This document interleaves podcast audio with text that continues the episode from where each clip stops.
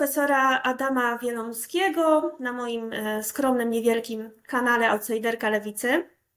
Jest pan znany przede wszystkim w środowiskach konserwatywnych. Mm, Ten kanał jest założony przez osobę o poglądach e, lewicowych raczej. Ja e, przez dość długi czas działałam w partii lewicowej. Nadal mój tak światopogląd raczej się umiejscowiony jest po tej stronie. Natomiast e, no, pan prowadzi kanał e, profesor Adam Wielomski naukowo o polityce i on jest związany z popularyzowaniem e, pana pracy badawczej. Natomiast no, też występuje pan jako publicysta, komentator właśnie po tej prawej stronie. Ja z pana dorobkiem, z tym, o czym pan pisze, mówi, zetknęłam się poszukując rozwiązania tych różnych lewicowych e, problemów. To znaczy, główny problem współczesnej lewicy polega na tym, że e, głosują e, na nią ludzie, jeśli już w ogóle głosują, to nie ci, których ta lewica by sobie wyobrażała.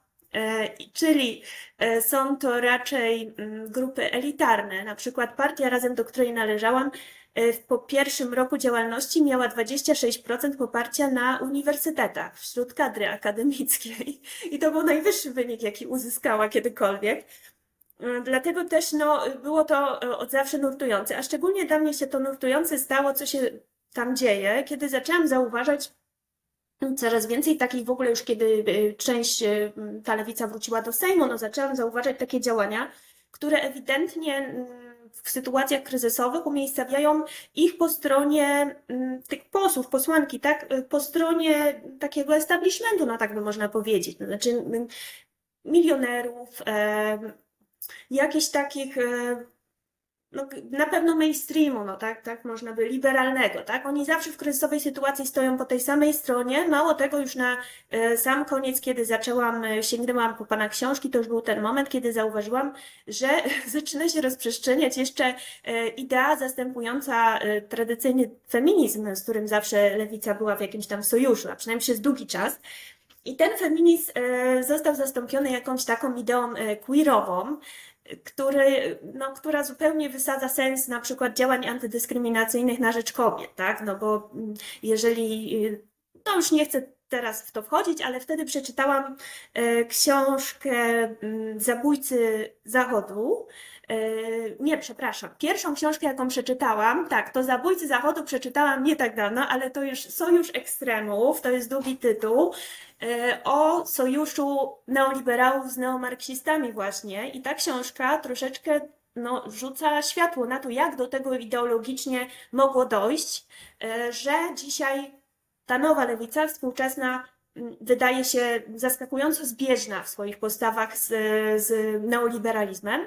A właśnie ta druga książka, którą niedawno przeczytałam, to o prawicy i lewicy niczańsko-heideggerystycznej. To jest taki skomplikowany tytuł od e, nazwisk znanych filozofów. No, może na początek, e, dlatego jeszcze może e, tytułem wstępu. Na początku, oczywiście, jako działaczka lewicowa, no to ja miałam takie, ostrożnie podeszłam do tego, co Pan mówi na, e, czy na swoim vlogu, czy też e, w książkach, dlatego że nigdy nie mam tej pewności, prawda, że może to być e, publicystyka kierowana po- prostu bardziej mm, o wymiarze takim bardziej propagandowym, który no, ma na celu przekonanie do swoich idei, zniechęcenie do idei lewicowych. Właściwie z tego powodu myślę, że z takiej powodu takiej nieufności często nie czytamy wzajemnie tego, no nie toczymy dyskusji ze sobą, tylko w gronie tak naprawdę przekonanych i to jest zarówno po prawej, jak i lewej stronie.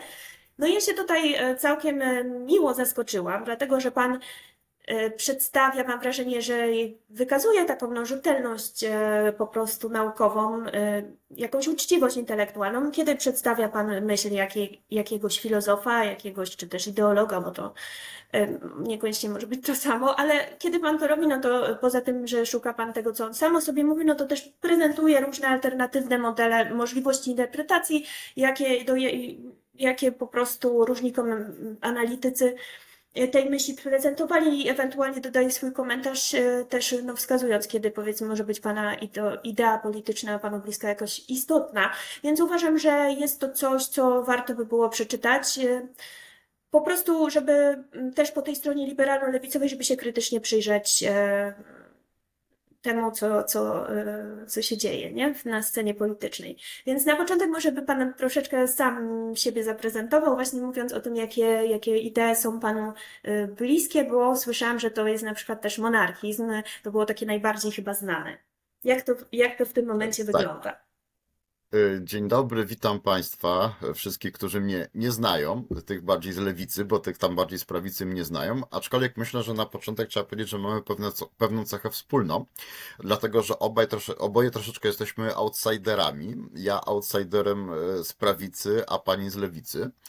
Moje outsiderstwo z prawicy wiąże się przede wszystkim z tym, że nie podporządkowuje się żadnym partyjnym wytycznym, i y, temu, jak trzeba myśleć, y, zachowuje niezależność, nawet jak czasami boli to troszeczkę, prawda, i nie ma się z tego różnych korzyści, ale to sta- staram się to y, robić, zresztą nie ukrywam, że jestem osobą, która jest totalnym nonkonformistą, ja się po prostu nie umiem przystosować do żadnych dyscyplin partyjnych, e, dlatego z natury jestem jakby skazany na bycie outsiderem i prowadzenie działalności e, partyzanckiej. To jest pierwszy powód, jakby taki mój e, charakteriologiczny.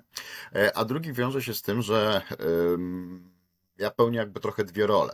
Z jednej strony gdzieś tam sobie działam e, filozoficznie i publicystycznie na prawicy, a z drugiej strony e, jestem wykładowcą akademickim i obowiązują mnie pewne, przynajmniej ja to bardzo e, czuję mocno, rygory dotyczące sposobu myślenia. E, I prawdopodobnie właśnie dlatego jest w stanie pani mnie czytać bez irytacji i zdenerwowania. E, Zresztą pamiętam, że kiedyś po zajęciach z historii myśli politycznej przyszedł do mnie student, który mnie tak jakby nie znał w, w życiu pozauniwersyteckim. To był, to był wykład o Marksie. I przyszedł do mnie i, i zadał mi pytanie, a co pan prywatnie sądzi o Marksie?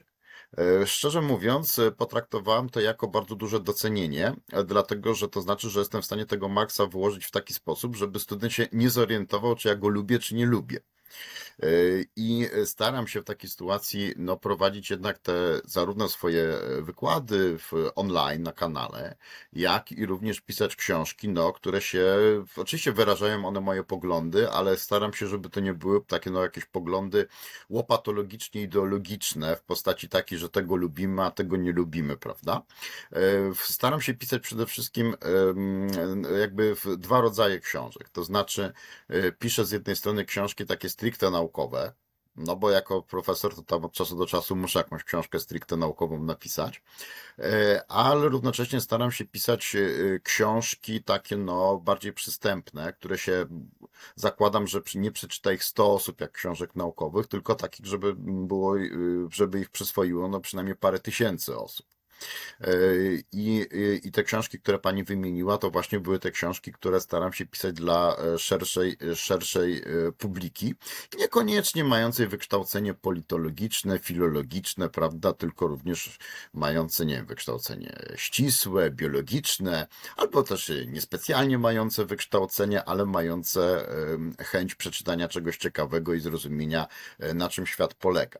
E, To oczywiście powoduje też e, w moim przypadku czasami różnego rodzaju outsiderstwo, dlatego że ja nie uznaję jakby no żadnych, bym powiedział, takich zasad politycznych, bo coś tam jakiś prezes, naczelnik czy ktoś inny, prawda, powiedział, więc tak ma być i ja mam tak samo myśleć. Nie, nie, to, to, to, to nie ze mną w ten sposób. Dlatego w tym sensie wspólnie nas łączy to, że jesteśmy outsiderami. Ja zresztą powiem szczerze, e, jak się tutaj dzisiaj połączyliśmy, Zobaczyłem sobie pani podpis outsiderka lewicy i pierwsze moje skojarzenie było, bo nie wiedziałem jak pod jakim pani będzie występowała podpisem, a szkoda to bym sobie dał outsider prawicy i byśmy mieli właśnie w ten sposób prowa- prowadzili rozmowę. E, Także, e, także, także e, to znaczy dla, dla, może, może w takiej sytuacji już tak zupełnie na poważnie dla pani słuchaczy, no przedstawię się, jestem z wykształcenia politologiem. Aczkolwiek według ustawy geniusza nauki polskiej Jarosława Gowina zostałem prawnikiem. E, Uczę na, e, w, na Wydziale Prawa e, Uniwersytetu Kardynała Stefana Wyszyńskiego w Warszawie, ale tak naprawdę uczę na stosunkach międzynarodowych, które po prostu znajdują się na Wydziale Prawa i gdzieś tak zajmuję się głównie historią myśli politycznej. To mnie najbardziej interesuje, zresztą i współczesną też od średniowiecza po, po dzień współczesny. Myślę, że jeśli chodzi o moje książki, mają one dla czytelnika pewną zaletę. To znaczy, głównie piszę o problemach związanych z filozofią i bliskich filozofii. Szczególnie politycznej, bo to mnie interesuje, ale ponieważ nie jestem z wykształcenia filozofem, lecz politologiem, dlatego mm, myślę, że moją zaletą jest to, że nie piszę w sposób taki, jaki piszą filozofowie, czyli sami dla siebie, dla niewielkiego kółka, kółka osób, piszę w sposób e, zrozumiały, tak.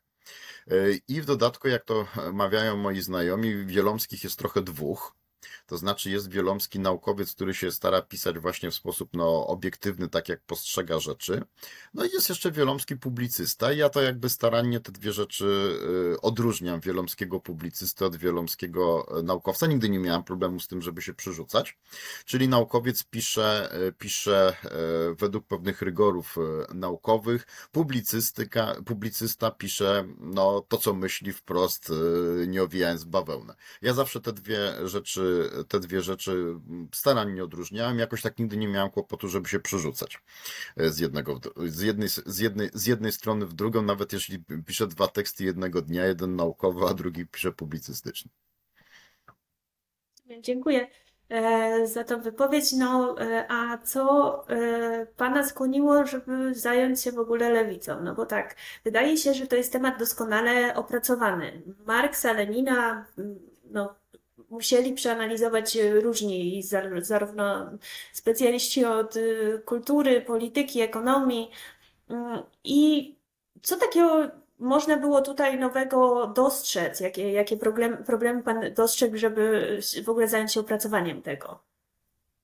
E, powiem tak, Marks, Lenin, czy w ogóle generalnie lewica jest dobrze opracowana dla czytelnika lewicowego. Czytelnik prawicowy Powiem szczerze i brutalnie, nie ma zielonego pojęcia na ten temat, co to jest Marks, co to jest Lenin, co głosili, co chcieli i tak dalej. Ma bardzo, bym powiedział, schematyczne, e, takie proste wizje. E, generalnie, generalnie polski prawicowy czytelnik w ogóle nie odróżnia Marksa od Lenina. Yy, I wydaje mu się, że, bo, bo nigdy nie czytał nawet manifestu komunistycznego Marksa, jakby z natury rzeczy no, nastawiony negatywnie, krytycznie, w ogóle nie próbuje po to sięgnąć no bo to brzydkie, prawda, więc tego czytać nie należy. E, w związku z tym trudno nie odnieść wrażenia, że prawicowy czytelnik w Polsce nie ma zielonego pojęcia, czego ci ludzie chcieli, czym się różnili wzajemnie od siebie, nie wie nic o ich e, dyskusjach pomiędzy sobą i ma takie wyobrażenie tego, że to, co e, chcieli Marks i Lenin, czy w ogóle lewica, to, to zrealizował, prawda, Józef Stalin, prawda, i to jest, i to jest na tym jakby no, koniec dyskusji w, chciałem e, między innymi właśnie dlatego no, tą myśl lewicową również przybliżyć czytelnikowi prawicowemu, ponieważ mam świadomość tego, że kiedy e, napiszę o tym e, autor lewicowy, nie zostanie przeczytany.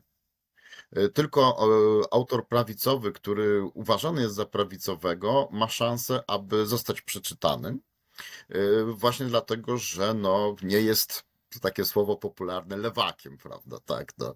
Więc ponieważ nie jest lewakiem, to, to, to ma się do niego zaufanie, że to, co napisał, no, w jakiś sposób pokrywa się z rzeczywistością. Tak, I to, to jest jakby się, można powiedzieć, od tego się zaczęły problematyki, bo ja się wcześniej nie zajmowałem przez wiele lat lewicą. Zajmowałem się tym, czym się zajmują e, konserwatyści, czyli prawicą. E, całą moją karierę naukową jakby oparłem na badaniach z jednej strony konserwatyzmu, nacjonalizmu, na tym tam wszystkie porobiłem robiłem stopnie, tytuły naukowe i tak dalej. E, a teraz się właśnie zająłem lewicą. Może dlatego, że e, te, te, te tematyki konserwatywno-prawicowe trochę mi się znudziły. To znaczy, no, pracowałem nad tym problemem gdzieś tak ze 20 lat. No i właściwie już wszystko przeczytałem, co ważne. Y, wszystko, co chciałem na te tematy ważne napisać. Chodzi mi jeszcze po głowie napisanie czegoś takiego, jak Leszek Kołakowski napisał główne nurty marksizmu, żeby napisać główne nurty konserwatyzmu, coś, coś takiego. Y, a może, może kiedyś to zrobię, może już na emeryturze, y, zobaczymy. Ale w każdym razie, no świat jest zdecydowanie bardziej skomplikowany, ciekawy i wieloraki niż tylko myśle, myślenie konserwatywne i prawicowe. Lewica również również, e, dlatego że e, kiedy zaczynam analizować lewicę, to jakby wracając do pani pytania z samego początku, ja również dostrzegam, że polska lewica to jest jakaś dziwna. Y, I y, nie ma ona wspólnego jakby z tym wyobrażeniem lewicy, już nie wspominając o Marksie, prawda? Ona jest rzeczywiście dziwna. Wspomniała Pani, że była członkinią partii Razem. Mnie się partia Razem kojarzy zawsze z jedną rzeczą. Kiedyś razem z żoną parę lat temu gdzieś tam się umówiliśmy, już nie pamiętam gdzie i do kogo i przy jakiej okazji. I pamiętam, że jakoś tak nam się przyjechało ze 40 minut za wcześnie skądś tam żeśmy jechali i coś tam wcześniej się skończyło, w każdym razie byliśmy 40 minut za wcześnie. No i w takiej sytuacji, ponieważ było e, chyba jesień z tego co pamiętam, zimno i mokro, to weszliśmy do jakiejś e, kawiarni, e, żeby, żeby, żeby coś tam, nie wiem, ciepłego zjeść, wypić i tak dalej. Tak pamiętam, że spojrzeliśmy na ceny jak nam podali kartę, no i tam była tam herbata 20 zł się zaczynało w górę, prawda? Tak, a to było parę lat temu dobrych, także to jeszcze sprzed tej całej e, inflacji ostatnich lat. No i tak trochę drogo, żeśmy sobie kupili no po jednej herbatce, bo stwierdziliśmy, że nas trochę nie stać. I tak się akurat składało, że stolik obok, obok patrzymy, jest czołówka partii Razem. Yy, tak, nie będę już tam wymieniał nazwisk, ale w każdym razie takie osoby, które no, kojarzę yy, z telewizji czy z mediów. Yy, I oni zajadają tam taki no wielki, wypasiony obiadek, no, który tak myślę, że kosztował przynajmniej po 100 zł od łebka, jak nie więcej. Y, I tak cośmy sobie spojrzeli, no to wyobrażenie nasze lewicy trochę inaczej było, no, wyglądało. No potem takie, no prawda, to, to, myślę, że taka postać też z lewicy, która zanotowała właśnie fajną wpadkę, można powiedzieć, to był Ryszard Kalisz, którego zresztą prywatnie gdzieś tam parę razy poznałem i którego bardzo lubię, bo jest niezwykle sympatyczny i owialny. I jakby no, sam się śmiejący z tego, co opowiada i ze swoich poglądów, takie odnoszę wrażenie.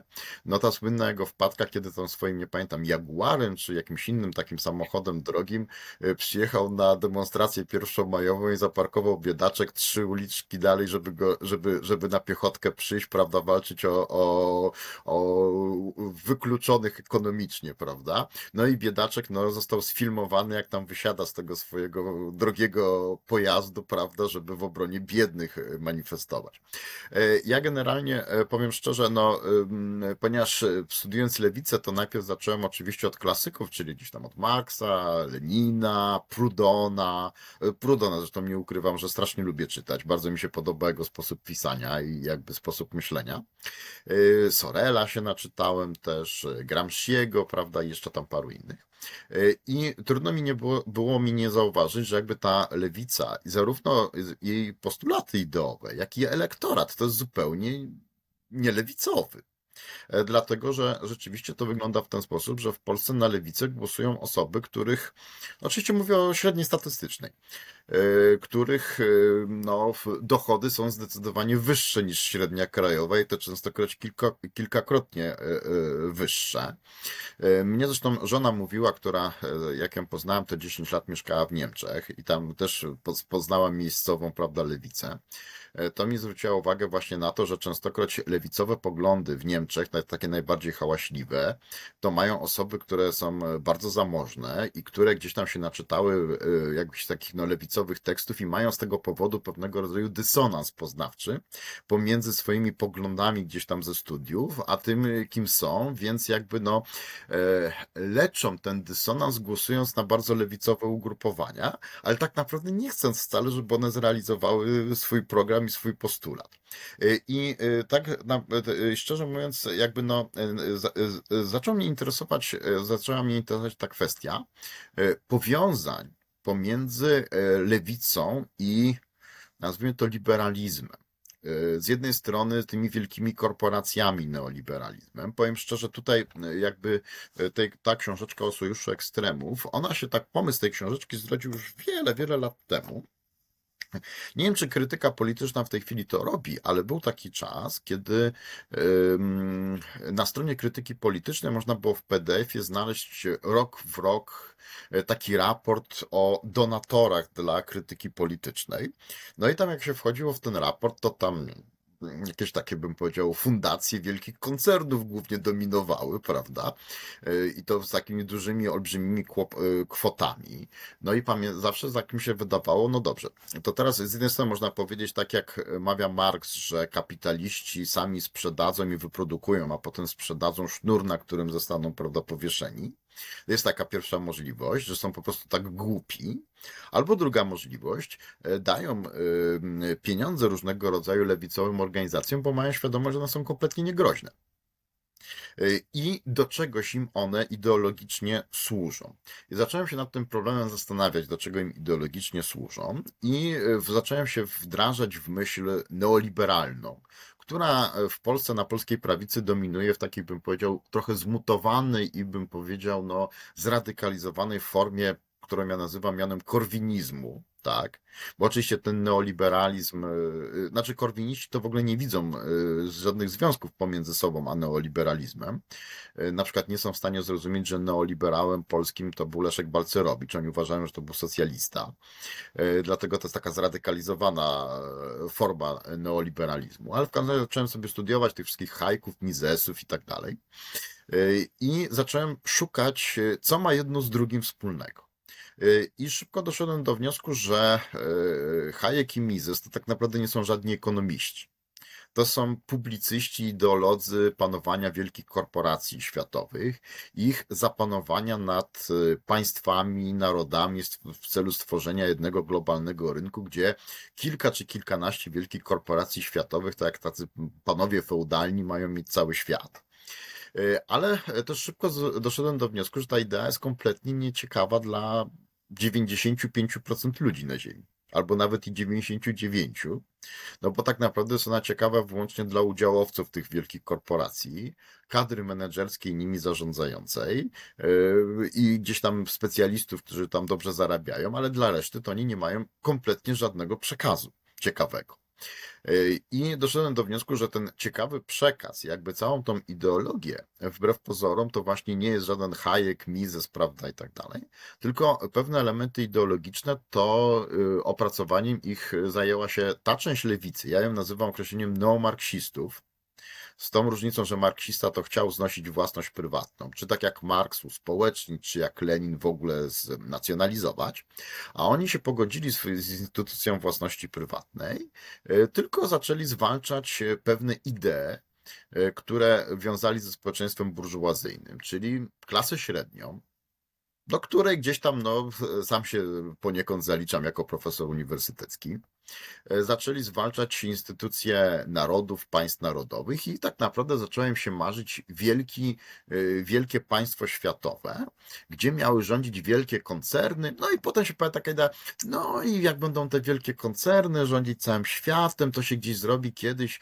rewolucję światową przeciwko kapitalizmowi, ale to kiedyś, później, gdzieś nie wiadomo kiedy. I tak, tak zostaje, od, bym powiedział, ta rewolucja światowa odstawiona w aktach z, e, Grekas, czyli prawda, w nieskończoność. I tak naprawdę się ostatecznie okazuje, że ci e, lewicowi ideolodzy to są potrzebni e, wielkim korporacjom, żeby e, znosić państwa narodowe no bo są cła, protekcjonizm, trzeba ujednolicać e, ustawodawstwo i e, umożliwiać przepływ kapitału, usług, prawda, zysków z kapitału i tak dalej. E, trzeba znosić narody, no bo wtedy można bardziej produkcję zrobić masową, a więc zmniejszyć koszty jednostkowe poprzez niesamowitą liczbę jednakowych produktów. No i wreszcie można znieść klasę średnią, która bardzo przeszkadza tym kapitalistom, bo jest niezależna, a oni by chcieli po prostu za nad wszystkimi ludźmi nad całym globem. No i e, zastanawiając się nad tym, doszedłem do wniosku, że ta, to, co się nazywa dzisiaj współczesną lewicą, no to, to, to tak naprawdę, bym powiedział, pomijając rzeczywiście poszczególne jakieś konkretne osoby, które się gdzieś tam utrzymują w tym, w tym lewicowym sposobie myślenia i które rozumieją, co to jest autentyczna lewicowość, to reszta to stwierdziłem, że tak naprawdę to jest utrzymankowie wielkich korporacji, które czy to finansują ich same, czy też za pomocą różnych dotacji, grantów, w każdym razie tolerują jakby obecność tych ludzi na uniwersytetach i w ogóle im to w ogóle absolutnie nie przeszkadza. I współczesna lewica tak naprawdę da dawno się już pogodziła e, z własnością prywatną. E, zresztą tutaj moje badania nad e, niemiecką socjaldemokracją też mi to wskazywały. Dlatego, że w Niemczech socjaldemokracja bardzo często zachowuje taki, bym powiedział, ton antyburżuazyjny, ale burżuazja to jest ta klasa średnia. Y, I tam właściwie pogodzenie się z tym, że będą wielkie koncerny, wielkie korporacje i się uważa, że to jest własność socjalna, dlatego że nie ma tych drobnych właścicieli. Y, to wtedy jest własność socjalna, bo, bo, to jest, bo to jest wielka korporacja w sojuszu z państwem, więc taka trochę na wpół państwowiona, no, państwo na wpół sprywatyzowane, prawda? Y, I, i, I w takiej sytuacji to jest jakaś, jakaś socjalna forma własności. No a ja niestety nie widzę tej socjalności tego, bo widzę po prostu paru gości, y, którzy mają nieprawdopodobne pieniądze i reszta, y, reszta na, żyjąca na kredytach, sproletaryzowana, prekariat, prawda? No i przede wszystkim to, co w Niemczech się widzi, no brak własności prywatnej. No, są takie badania, które się czasami nam mogą wydawać komiczne, ale teoretycznie rzecz biorąc, e, Niemcy są biedniejsi od Greków. Dlatego, że nic nie posiadają. Nawet własnych mieszkań. W, w, na przykład w Polsce każdy, każdy Polak chce mieć mieszkanie albo dom. Każdy. Własne. Nie na kredycie, nie wynajmowane i tak dalej. A tam Niemcy niby są zamożni, bogaci i tak dalej, ale mieszkania prawie nikt nie posiada własnego i wszystko jest wynajmowane. Czyli tak naprawdę są, e, bym powiedział, konsumpcyjnie nastawionymi, dobrze zarabiającymi osobami bez własności. Y, I to jest taki właśnie ideał y, socjaldemokratyczny w Niemiec. No i zacząłem jakby w tym głębiej grzebać i, i do, dogrzebałem się właśnie stąd są ci zabójcy Zachodu, do postmodernizmu y, i doszedłem do wniosku, że to, co w tej chwili w, uchodzi również w Polsce za lewicowość, to jest w gruncie rzeczy postmodernizm. I ten postmodernizm tak naprawdę, on w ogóle nie jest lewicowy. Postmodernizm jest to E, radykalna mutacja liberalizmu. E, dlatego zresztą to jest taka książka, o której chodzi mi, żeby napisać e, o, o historii rewolucji. Gdzieś zacząć ją. Pierwsza rewolucja to była rewolucja protestancka w XVI wieku, przed Luther z Kalwinem i paru tam innych reformatorów i powiedzieli, i powiedzieli, że trzeba się wyemancypować od kościoła i od wiary katolickiej i od papieża. Potem mamy rewolucję francuską, jest emancypacja polityczna, prawda? Potem mamy y, marksizm, nieudana ostatecznie, emancypacja od własności. I teraz mamy postmodernizm, który głosi kolejną, bym powiedział, liberalną emancypację, to znaczy emancypację od własnego ja y, biologicznego. Czyli mogę być tym, kim chcę, kim się czuję i tak dalej, stąd właśnie te wszystkie genderyzmy, prawda, i, tak, tak zwane. Y, I y, zacząłem to analizować, doszedłem do wniosku, że to jest nic innego, tylko radykalizacja programu liberalnego. Dla mnie lewicowość kojarzy się z czymś takim, co jeszcze to jako młody człowiek pamiętam takie pojęcia e, ze szkoły gdzieś tam e, się pojawiały w podręcznikach, bo jak, jak zacząłem studiować, to e, właśnie podała tak zwana komuna, ale jeszcze podręczniki były, prawda? I tam, było takie pojęcie, pamiętam, lewica społeczna i, i prawica społeczna, takie ulubione marksistowskie. I ta podkreślono właśnie, że ta lewica społeczna to jest prosocjalna, równość, egalitaryzm, no i przede wszystkim ona jest wspólnotowa, kolektywna, żeby nawet nie powiedzieć klasowa.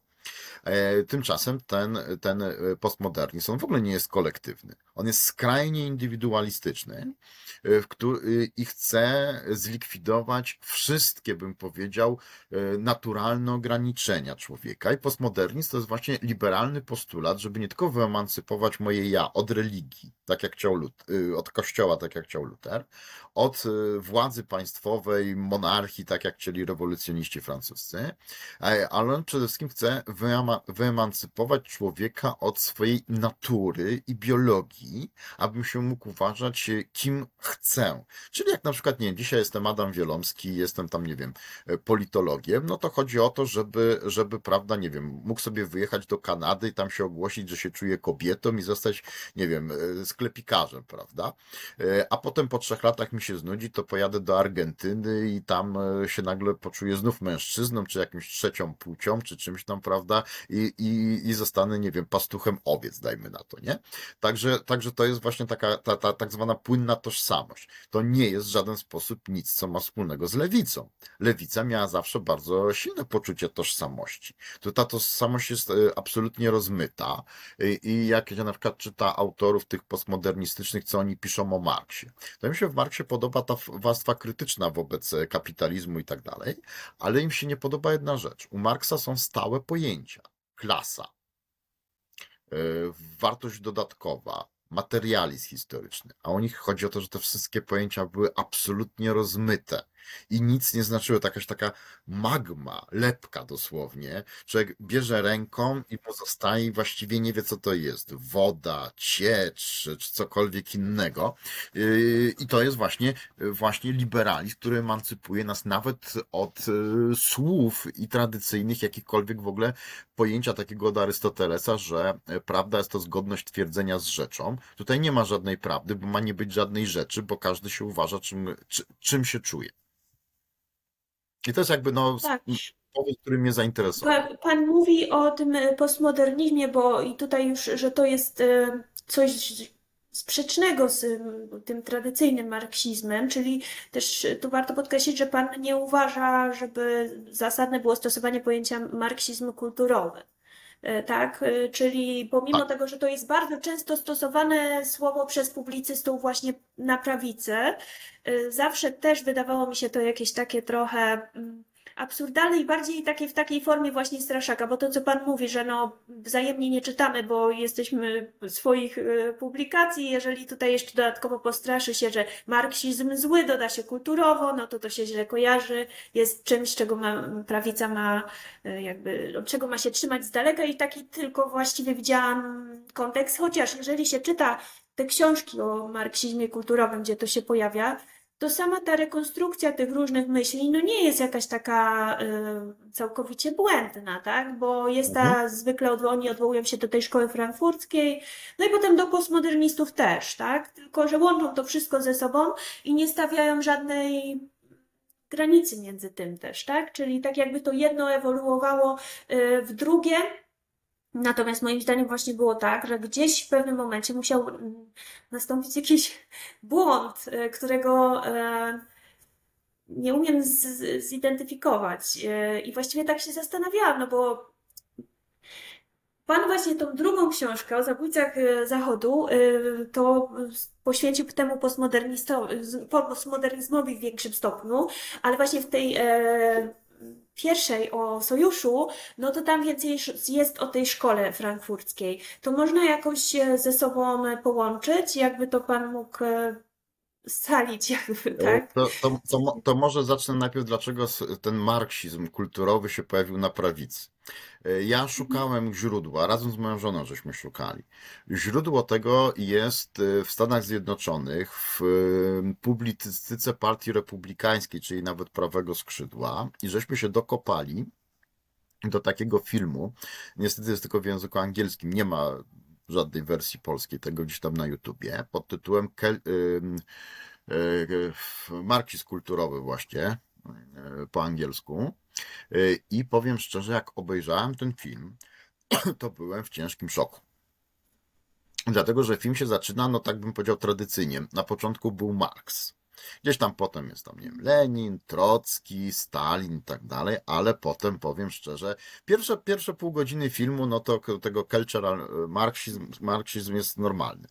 Ale potem wyskoczyły, mm, przepraszam, potem wyskoczyły y, sufrażystki. I się nagle okazuje, że to jest marksizm kulturowy sufrażystki.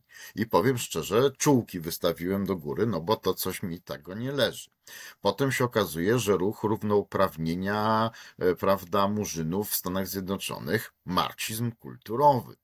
Też nie widzę związku. No i na końcu bym powiedział już w ogóle zupełny hit, ruch zakazujący posiadania broni automatycznej palnej.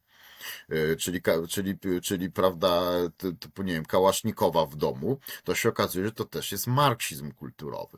No nie, to, to, to, to stwierdziłem, że to już nie, nie, nie to, tego to się po prostu nie da, nie da, te, znaczy obejrzeliśmy, pamiętam ten film taki dwugodzinny do końca, ale to, to dosłownie z wypiekami, ponieważ w pewnym momencie się zorientowaliśmy, że autorzy, którzy e, tego filmu, realizatorzy, e, wszystkie, wszystko czego nie lubili, nazywali pojęciem marksizm kulturowy. Nie mogli go, nazwać pojęciem marksizm, no bo sufrażystki nie znoszą, nie, atakują istnienia własności prywatnej. Ruch równouprawnienia czarnoskórych w Stanach Zjednoczonych też nie atakuje własności prywatnej. Ruch na rzecz zakazu posiadania karabinów e, automatycznych w domu też nie znosi własności prywatnej w żaden sposób. Dlatego, ponieważ nie można było tego nazwać marksizmem, bo to się nijak nie łączyło, nawet jeżeli na początku był w 15 pierwszych minut o Marksie, no to stwierdziliśmy, że to po prostu jest blaga. I zaczęliśmy jakby no, gdzieś tam sobie szukać, gdzie to się wzięło, i żeśmy zauważyli, że to się wzięło w Stanach Zjednoczonych. I wraz z triumfującym po 1989 roku antykomunizmem, e, który był w znacznej mierze, jeśli chodzi o kwestie ideologiczne, właśnie importowany ze Stanów Zjednoczonych, szybko się zorientowaliśmy, że to pojęcie nic nie znaczy. To jest po prostu pojęcie, ja zresztą powiem szczerze, rozmawiałem kiedyś z jednym z polityków dzisiejszego ruchu narodowego. Wtedy jeszcze to nie był ruch narodowy. E, On teraz posłem nawet jest ten, ten ale nie będziemy wymieniali nazwisk. E, I pamiętam, e, byłem na jakimś takim, po- na jakiejś konferencji, gdzie miał wykład o marksizmie kulturowym. No i potem poszliśmy sobie na obiad i ja mu mówię, że no ale słuchaj, ty wiesz, że to nie jest żaden marksizm. To nie ma nic wspólnego z marksizmem. A on mówi tak, ja wiem. Ja mówię, to czego gadasz ludziom o jakimś marksizmie, jak to jest nieprawda? No bo marksizm się źle kojarzy na prawicy, więc jak powiesz, że to jest marksizm, no to, no to wtedy, wtedy od razu ludzie wiedzą, że to jest złe. A ponieważ to nie ma nic wspólnego z Marksem, z noszeniem własności prywatnej, tylko z różnymi przemianami światopoglądowymi i tak dalej, no to kulturowy. Yy, No to w, i to jest troszeczkę mniej więcej na tej zasadzie, jak na lewicy panuje, panuje na zasadzie, co nie lubimy, to faszyzm. Prawda? Na, na tej samej zasadzie. Czy to ma coś wspólnego z faszyzmem, czy nie, nie ma najmniejszego znaczenia. Y, I w tej samej roli na, na prawicy pełni rolę marksizm kulturowy. I tu się właśnie wrzuca wszystko. Od szkoły frankfurskiej, przez postmodernizm, przez samego Marksa. To nie ma z marksizmem przede wszystkim nic wspólnego z bardzo prostego powodu. Y, Dlatego, że Marks, każdy, kto czytał Marksa, wie, że jest baza i nadbudowa i że kultura jest nadbudowana do bazy społeczno-ekonomiczno-własnościowej. A tutaj jest odwrotnie, to znaczy jest przekonanie, że istnieje jakaś rewolucja kulturowa, która nie ma nic wspólnego z tą bazą społeczno-ekonomiczną. No, ja, można powiedzieć, że jak się spojrzy na przykład na, na partię Razem i tych właśnie zamożnych panów, którzy tam gdzieś działają, no to tak troszeczkę to wygląda. Baza społeczno-ekonomiczna typowo prawicowa, to jakby powiedzieli marksiści klasyczni, prawica społeczna i do tego jakiś taki no program, no właśnie, czy lewicowy. Moim zdaniem nie. Lewicowy autentycznie to on by był wtedy, kiedy by tam, nie wiem, chcieli w, w, nacjonalizować wielkie korporacje. Ja bym na przykład chciał zobaczyć polityka partii Razem, który mówi, że nie może tak być, że terroryzuje tu nas jakieś tam, nie wiem, Google, y, YouTube, Facebooki czy cokolwiek innego i banują nas, w związku z czym trzeba na przykład to znacjonalizować. Nie, absolutnie nie. Yy, To jeżeli ktoś nie nacjonalizuje wielkiej własności, to absolutnie nie ma, no, znaczy przede wszystkim tego, co się nazywało Marksa środkami produkcji, nie ma nic wspólnego z marksizmem. Oni po prostu chcą to połączyć, bym powiedział taką, nazwijmy to lewicowo-liberalną, to nawet jest bardziej lewicowo-liberalną niż lewicową, yy, kulturę z tą bazą, prawda, wielkich korporacji, których bardzo często zresztą pracują. No i dlatego to nie ma nic wspólnego z marksizmem. Yy, I tutaj ja powiem szczerze, prawica e, jest e, bardzo często bezradna właśnie w kategoriach pojęciowych i stąd się upowszechnił to pojęcie tego, e, e, tego marksizmu kulturowego. Tu się nie rozróżnia bardzo często, bo ci autorzy nie są czytani e, na prawicy. Nie rozróżnia się pomiędzy szkołą frankfurcką, postmodernizmem, pomiędzy, nie wiem, psychoanalizą, prawda? To wszystko jest na takiej zasadzie, że to jest marksizm kulturowy, yy, dlatego że większość niestety czytelników prawicowych nigdy nic z tego nie czytała. E, traktu- obchodząc jakby z daleka to, to, to pole. I stąd ja stwierdziłem, że trudno narażę się niektórym, ale, e, ale to, te rzeczy trzeba powyjaśniać, porozdzielać te wszystkie kategorie i na przykład pokazać, że postmodernizm to e, no, żaden postmodernista tak naprawdę nie sięga do Marksa i to, że tam, nie wiem, któryś tam z nich był przez rok członkiem partii komunistycznej, bo takie słyszę argumenty, to nie jest argument, że cała jego twórczość postmodernistyczna to jest marksizm. To jednak na, na, jak się spojrzy na ten postmodernizm, to jego źródłem też jest filozofia niemiecka, ale nie Marx, tylko e, Heidegger i właśnie Nietzsche. Stąd, stąd jakby był pomysł na tą książkę. Co więcej, jak czytam wielu autorów postmodernistycznych, to widzę, że oni Marksa nie znoszą. Z ich perspektywy Marx to był jakiś taki, no, właśnie filozof, który używał twardych kategorii pojęciowych. U niego, u Marksa, ja się z tym mogę zgadzać, czy nie? No, prywatnie, jak się pani domyśla, nie za bardzo. Aczkolwiek nie jest tak, że, że, że Marksa nie cenię. Na przykład uważam, że Marks jest wybitnym socjologiem. I nie tylko ja, zresztą e, Wilfredo Pareto, którego raczej trudno o lewicowość, e, lewicowość, prawda, e, posądzić, napisał jakieś takie zdanie, że Marx był najwybitniejszym socjologiem w dziejach, a zresztą sam był socjologiem z wykształcenia. Także, także ja uważam, że był wybitnym socjologiem, trochę zbyt jednostronnym, mocno jednostronnym, bo wszystko taki, jak to się w nauce mówi, monokauzalnym, czyli mono, jednoprzyczynowym, że wszystko ma takie, prawda, uwarunkowania tam klasowe i tak dalej, to, to, to bardziej uważam za rzeczywistość za skomplikowaną. Zresztą sam fakt, że się pojawia właśnie taka, takie, takie te y, bogaci, bogate osoby, które mają dużo pieniędzy i się uważają za lewicowców, świadczy o tym, że to, to takie nie jest proste, jak się Marksowi wydawało. Y, Ale w każdym, ale w każdym razie, no, uznałem, że to trzeba jakby, no, opisać, rozebrać y, i nie można na zasadzie zostawić, że, że przepraszam za wrażenie, chodzą cymbały i opowiadają o jakimś marksizmie kulturowym, którego nie ma. I bardzo często te poszczególne ruchy z sobą się w ogóle w żaden sposób y, nie łączą. No w Polsce na przykład na prawicy dalej pokutuje mit, że tam, nie wiem, młodzież francuska Maj 68 to byli komuniści. Oni głównie byli trockistami. Y, Byli y, bardzo często anarchistami, byli maoistami. Wszystkim tylko, żeby się nie utożsamić ze Związkiem Radzieckim, który traktowali jako taki, bym powiedział, no, w- nową oligarchię władzy i co nie ma nic wspólnego z żadną emancypacją. No ale to, to jest bardzo trudne do zrozumienia w Polsce, no bo wszystko się sprowadza właśnie, że to jest komuna i się szuka, ktoś tam może miał dziadka, który był w PZPR-ze, prawda, i tak dalej. I, tym, I wszystko się tłumaczy w ten sposób. Oczywiście łatwo jest znaleźć, że jakiś tam dziennikarz lewicowo-liberalny, taki postmodernistyczny miał tam ojca czy dziadka w PZPR-ze. Pełno takich jest. Ale ja znam również takich, którzy mieli ojców w PZPR-ze, a są konserwatystami. Y, I znam również takich, którzy są lewicowcami, a nie mieli żadnych y, w, PZPR-ze y, krewnych. Także to, to nie jest takie proste, jak się, jak się niektórym wydaje. Tak. Tutaj ten motyw z, z postmodernizmem jest dla mnie o tyle e, ciekawy, że tam e, pan wymienia no, kilka cech, e, kilka jakichś takich podstawowych cech, na przykład brak przekonania do istnienia prawdy.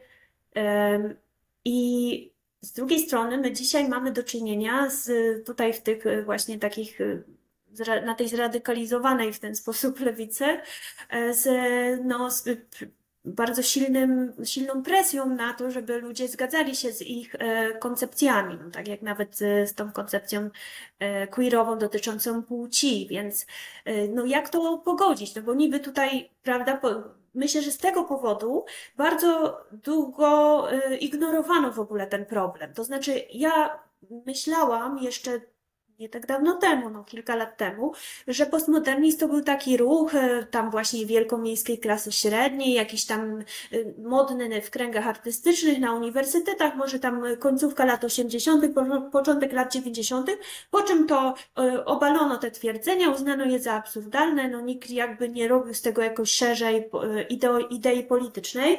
No właśnie przede wszystkim to było mm, tak ignorowane, wydaje mi się dlatego, że mm, tam był taki skrajny relatywizm, a tutaj e, mamy ludzi, którzy się bardzo są coraz bardziej agresywni w walce o to, żeby forsować e, swoje, swoją wizję świata.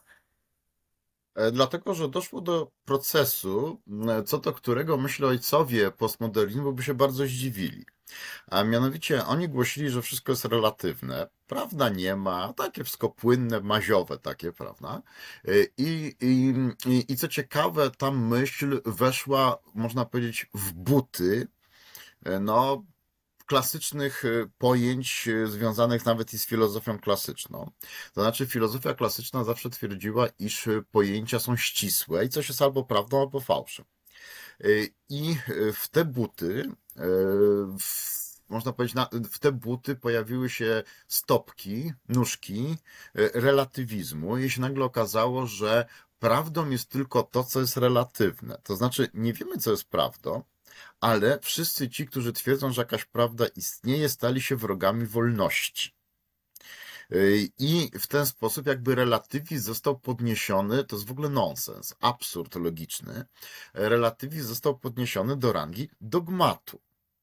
I każdy, kto zaprzecza temu relatywizmowi, jest traktowany jako y, ten, kto dokonuje zamachu na wolność, a równocześnie te twierdzenia relatywistyczne stały się no, absolutne. Nie wolno z nimi dyskutować, bo jest od razu awantura, się nie wiem, tam jest faszystą, komunistą, czy kim tam jeszcze, prawda, ale w każdym razie, jakimś razie ekstremistą, który nie szanuje wolności. Y, No, no jest to, bym powiedział, ja, znaczy ja w, łatwo jestem w sta- w stanie wskazać źródło tego. Em, em, Zauważmy, że jak się porównuje na przykład kulturę Zachodu e, z kulturą, nie wiem, starożytnej Grecji czy Rzymu, czy w ogóle kultur, przez które nie przeszły chrześcijaństwo i religie monoteistyczne. Cechą charakterystyczną jest ich, e, bym powiedział, bardzo radykalna, taka jak na nasze standardy, e, tolerancja. Na przykład w takim Rzymie można było sobie tam, nie wiem, oddawać kult, e, oddawać cześć cesarzowi i wierzyć sobie we wszystkie inne możliwe religie poza chrześcijaństwem, bo, no bo ono głosiło, że cesarz nie jest Bogiem. E, I to odrzucało, czyli nie było relatywistyczne. E, W Grecji, czy gdzieś tam, nie wiem, w innych imperiach, jakie znamy, też tak to wyglądało, właśnie ten taki relatywizm. E, Chrześcijaństwo, czy w ogóle szerzej religie monoteistyczne przyniosły przekonanie, że istnieją pojęcia absolutne. Jest prawda i fałsz. Na początku oczywiście w religii tylko i wyłącznie. E, Następnie mamy całe procesy wielowiekowe, czy to z jednej strony ewangelizacji, czy z drugiej strony islamizacji świata i przeniesienia, bym powiedział, rozszerzenia tych pojęć e, na szerokie, wielomilionowe e, skupiska ludzkie. E, I potem dochodzi do e, procesu laicyzacji, na którego końcu gdzieś tam zostaje sobie postmodernizm. I co ciekawe, nastąpiła ta laicyzacja i ona nie jest powrotem do tego świata tolerancyjnego, chociaż nawet sama tak głosi sprzed religii monoteistycznych, tylko w te buty monoteistyczne zostaje włożona e, cała ta wizja relatywizmu. Ten relatywizm nagle zaczyna pełnić taką, można powiedzieć, trochę objawioną funkcję. I każdy, kto tego relatywizmu nie uznaje, zaczyna być traktowany jako nietolerancyjny wróg społeczeństwa otwartego, prawda? Jakby to powiedział, od, zaczynając od Poppera, kończąc na Soroszu i tak dalej. I w tym momencie, i w tym momencie jakby relatywizm to jest w ogóle jakiś paradoks logiczny, e, został podniesiony do rangi dogmatu, z którym nie wolno e, polemizować. A jak należy myśleć, żeby być człowiekiem wolnym?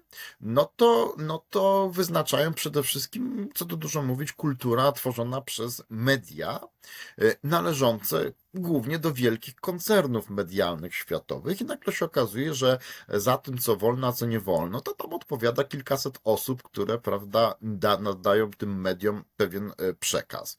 E, W Polsce ten problem występuje również moim zdaniem dosyć mocno, dlatego że e, dla mnie to jest w ogóle fenomen swojego rodzaju, że Polacy, którzy za czasów tak zwanej komuny byli społeczeństwem najbardziej nieufnym wobec telewizji, odnoszę wrażenie, że łykają wszystko, byle tylko poszło z telewizora.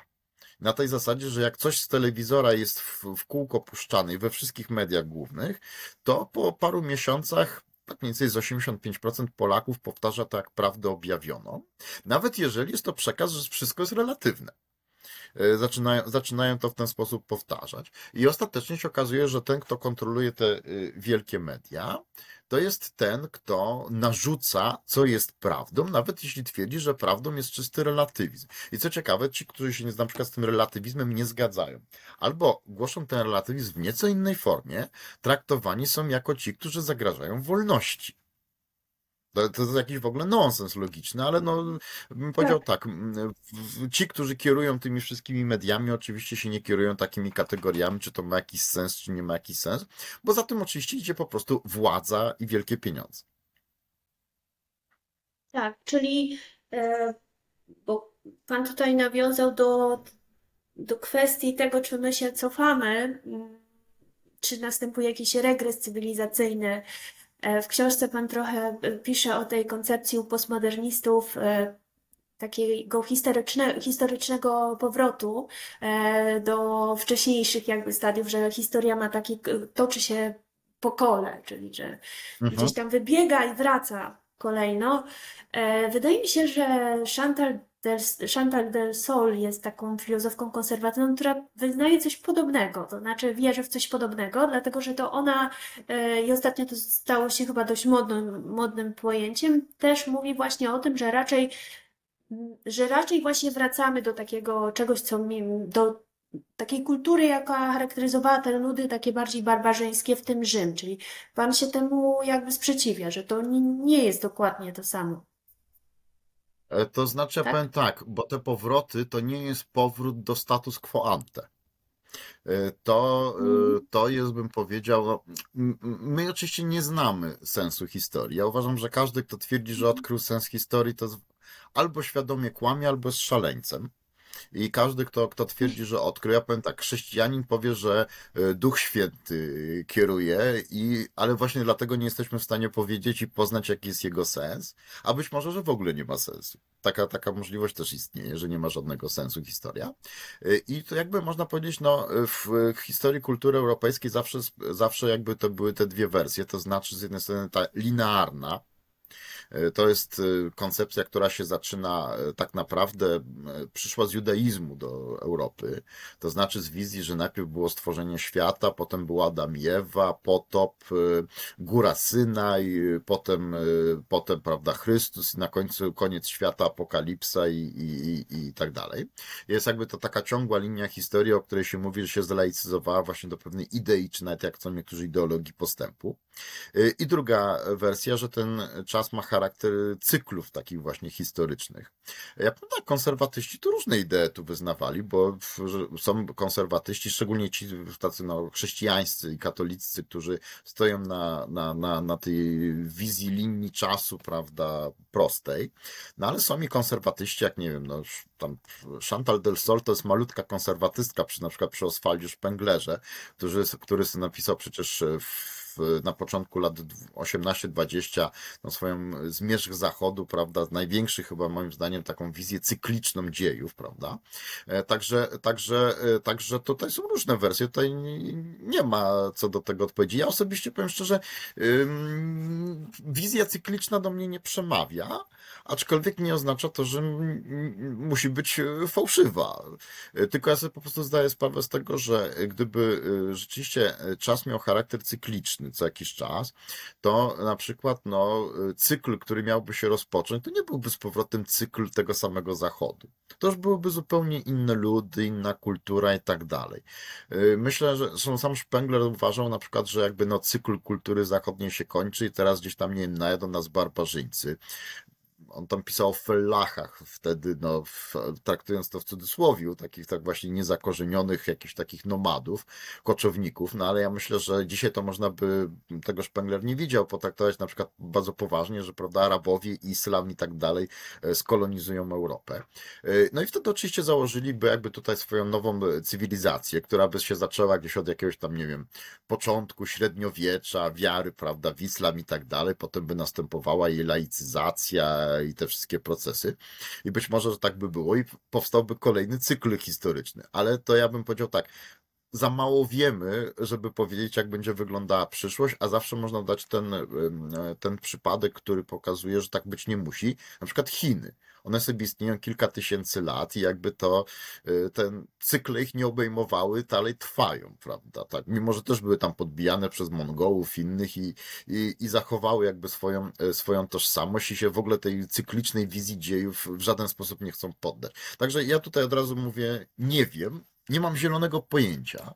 Y, I Ale dobrze, szczerze ale z Pana książki wynika, może przerwę, bo z Pana książki Mhm. wynika, że y, w myśli tych postmodernistów taką wizję można znaleźć, czyli że oni też nie wierzą w postęp. A jedną z najbardziej chyba takich silnych, e, taki, najbardziej zakorzenionych przekonań jest to, że to jednak jest e, no coś takiego, ten postmodernizm jest czymś takiego nowoczesnego, czyli jednak skojarzonego z postępem.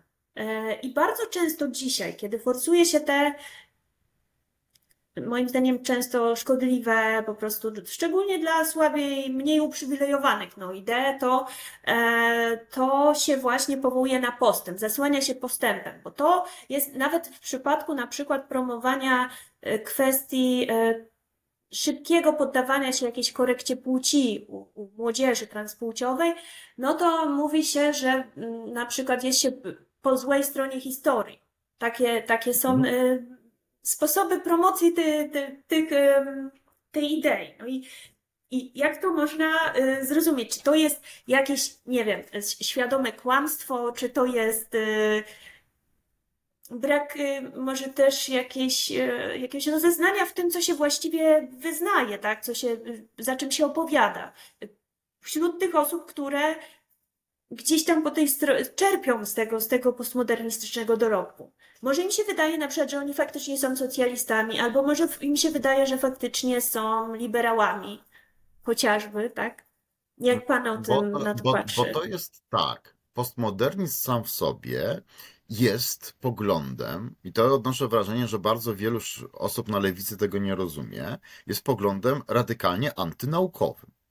Antyscjentystycznym, antyracjonalistycznym i tak dalej. Pamiętam, ktoś tam z postmodernistów właśnie pisał, że to są jakieś zabobony i przesądy, że, yy, że jak się ma śrubki, to trzeba nakrętki znaleźć identyczne, żeby na siebie pasowały. Ja powiem szczerze, no, jak coś tam składam meble, to jakoś tak muszą mi pasować, no bo jak nie pasują, to nie pasują. W każdym razie tam jest, postmodernizm sam w sobie niesie rzeczywiście bardzo silny bunt przeciwko nauce i naukowości. Zresztą na przykład y, niektórzy postmoderniści są już takie interpretacje, że na przykład, nie wiem, tak konserwatywny autor jak Joseph de był ojcem postmodernizmu, bo krytykował właśnie taki racjonalizm. Y, I wielu postmodernistów gdzieś tam nawet rzuca, bym powiedział, nie tylko gdzieś tam, nie wiem, do marksizmu, prawda, i tu się pojawiają te właśnie dziwactwa typu marksizm kulturowy, ale rzuca również, bym powiedział, y, zahacza o myśl konserwatywną i jej krytykę racjonalizmu oświecenia.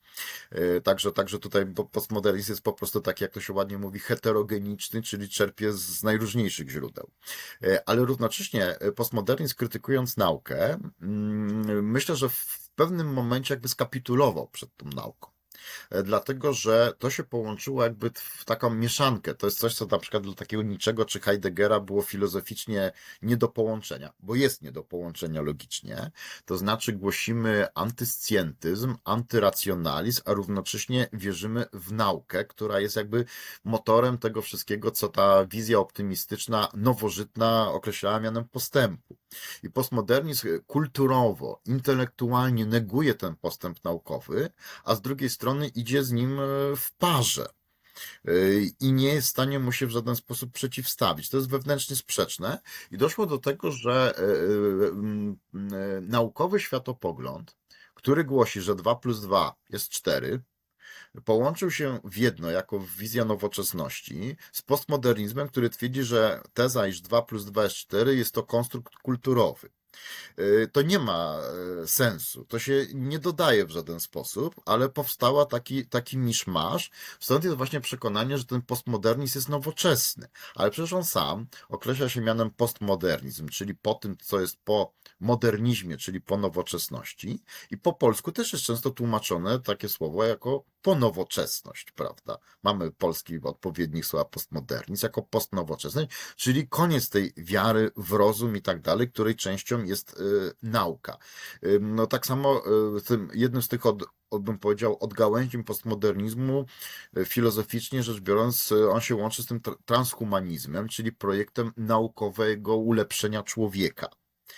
Y, No i oni to powiedzą, bo nie ma ludzkiej natury, prawda? Dlatego, że natura została pokonana, bo człowiek sobie tam może, nie wiem, doszczepiać dodatkowe organy, chipy czy co tamkolwiek innego. I wszystko fajnie, y, tylko że równocześnie jest wiara w to, że nauka nam to umożliwi. No to są wewnętrzne sprzeczności, takie bym powiedział, i y, nie ma właściwie tak, no. Ja, któryś tam z tych postmodernistów włoskich, na przykład, jak było, była cała ta sp- sprawa, prawa, y, użyjmy słowa, którego nie wykrywa, nie wykrywa algorytm y, wielkich korporacji, wakcynacja.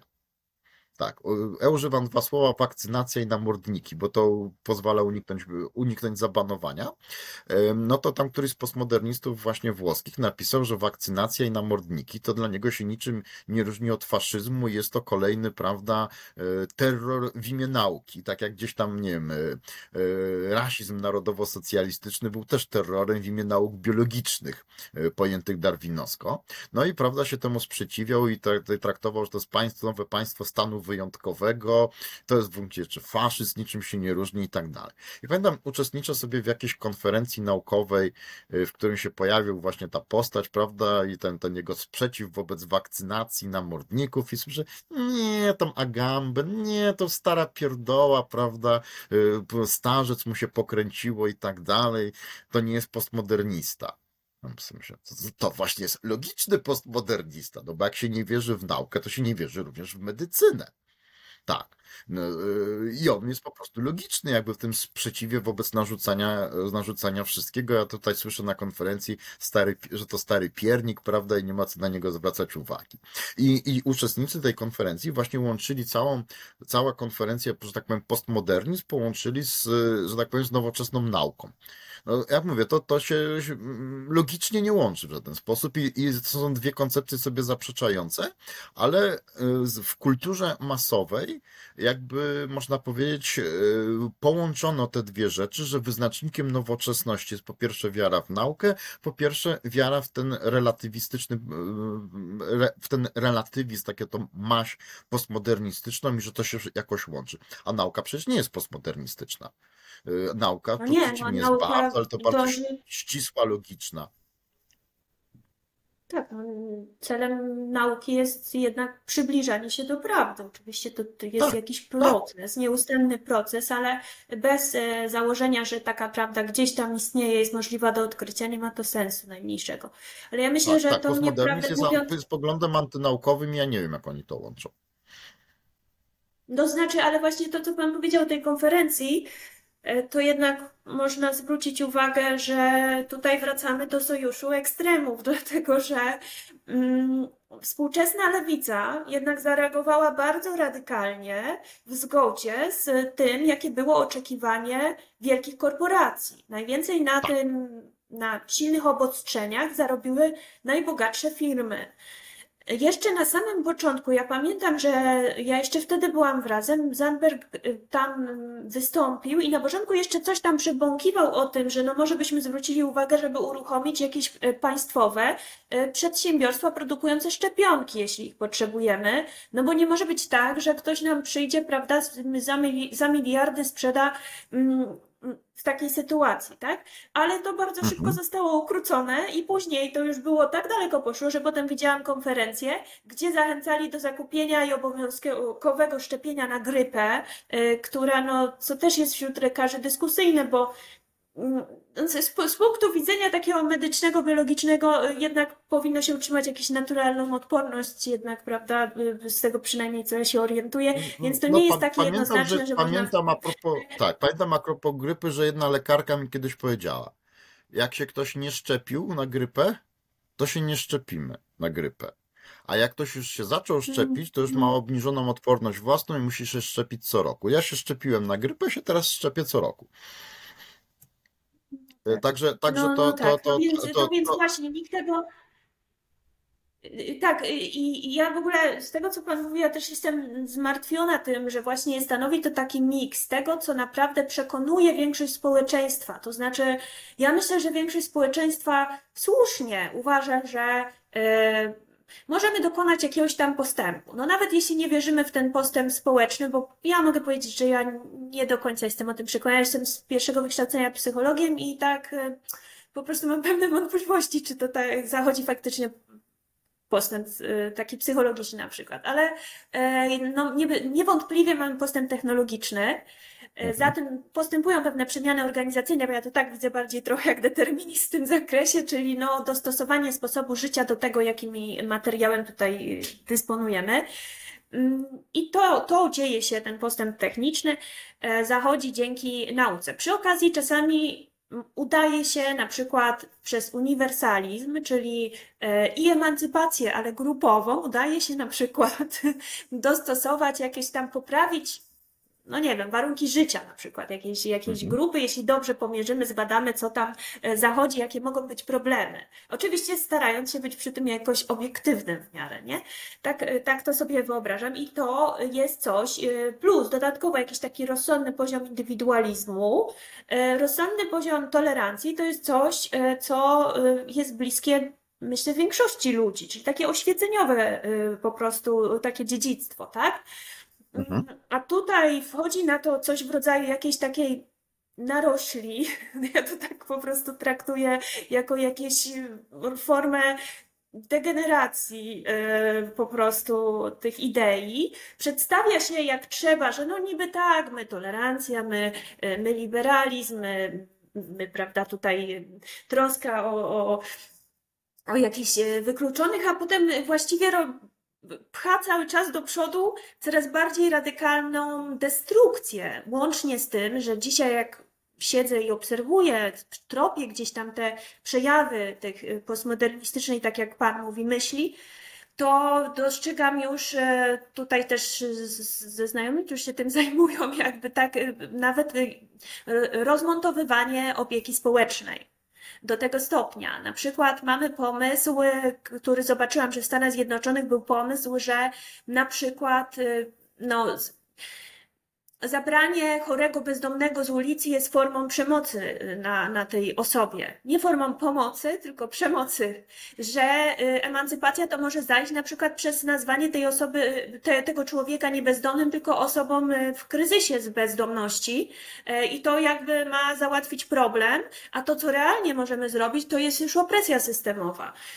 To jest na przykład wycofywanie się z polityki y, antynarkotykowej. Ja oczywiście lewica zawsze tutaj popierała jakiś taki drobny mm, taki indywidualizm, jeśli chodzi o legalizację jakichś substancji y, miękkich tak zwanych, ale y, no nie kwestionowano wcześniej y, na przykład tej sposobu leczenia, prawda, uzależnień. A dzisiaj już słyszę, że jeżeli, bo są dwa oczywiście przy mniej zaawansowanym uzależnieniu, czasami proponuje się jakieś tam kontrolowane tak zwane spożywanie substancji, ale tutaj się uważa, że każda próba leczenia poprzez całkowite no, zakaz y, spożywania. Oczywiście to nie jest pod groźbą więzienia, ale no, jeśli chcesz się leczyć, to jest na zasadzie takiej, no to po prostu nie używasz, a jeśli nie chcesz, no to my ci nie jesteśmy w stanie pomóc. To tutaj to też jest uznawane za y, opresję, w związku z tym powstają jakieś pomysły typu, y, żeby państwo sponsorowało no, zabijanie ludzi uzależnionych, bo, bo, bo tak to można powiedzieć, no, że po Mhm. prostu uzależnienie prowadzi do śmierci szybciej, tak? A państwo, jeśli dostarcza substancji i mm, mówię twardych warunków do tego, no to przyczynia się do, do uśmiercania tych ludzi. A u nas w kraju widzimy mm, takie stopniowe traktowanie szkoły jako opresji. Czyli e, szkoła, czy- która dała możliwość awansu e, kolejnym pokoleniom osób, e, które wyszły, nie wiem, czasami z jakichś tam chat wiejskich, przeniosły się i miały szansę najpierw skończyć podstawówkę, szkołę średnią, zostać właśnie, nie wiem, na uniwersytecie, dała możliwość poprawy warunków życia, dzisiaj jest uznawana za opresyjną i właściwie być może docelowo zbędną. A to się wszystko przepycha cały czas, mówiąc o tym, że jest to tylko kolejny stopień korzystnej dla człowieka jakiejś, nie wiem, indywidualizacji, dla mnie to jest też jakaś forma albo eliminacji po prostu grup słabszych, po prostu eliminacji przez bardziej uprzywilejowanych, albo to jest nie, utowarowienie na przykład czasami, tak? Tak zwane, czyli po prostu y, czynienie człowieka tak już nieskończenie elastycznym, żeby sprzedać mu kolejne rzeczy po prostu. I tak, a jak jest chory, to po co mają, y, ma być utrzymywany przez y, opiekę socjalną, prawda, więc należy go zlikwidować. Mhm. I problem polega na tym, że to nie są w żaden sposób postulaty lewicowe, dlatego że lewicowość, tak jak ja rozumiem, to że jak jest ktoś jest chory, bezdomny, to się nad nim trzeba pochylić i mu pomóc. I to, że mu nie pomagamy, jest to postulat skrajnie indywidualistyczny, więc tak naprawdę postulat liberalny. E, taki bym powiedział tak. na zasadzie słabi mają umrzeć i tak mhm. dalej. E, przy czym to tak. wszystko, wszystko, co ciekawe jest właśnie teraz, e, kiedyś to było w takim tym liberalizmie, można powiedzieć, XIX-wiecznym manchesterskim, no to można powiedzieć, tam było to logiczne, słabi mają, prawda, umierać pod płotem i tak miało być. Ponieważ to razi człowieka współczesnego, no to te same postulaty są właśnie, właśnie w kategoriach y, emancypacji, jego uwolnienia od ucisku, prawda, i tak dalej.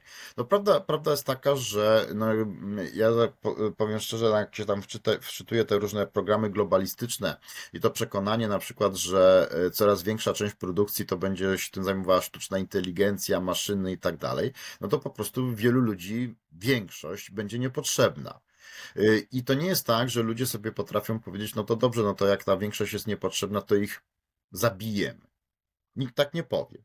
Dlatego pojawiają się właśnie takie, no, prawda, że się go wyemancypuje od opieki zdrowotnej czy od szpitala. No, on de facto umrze, no, ale to właśnie o to chodzi.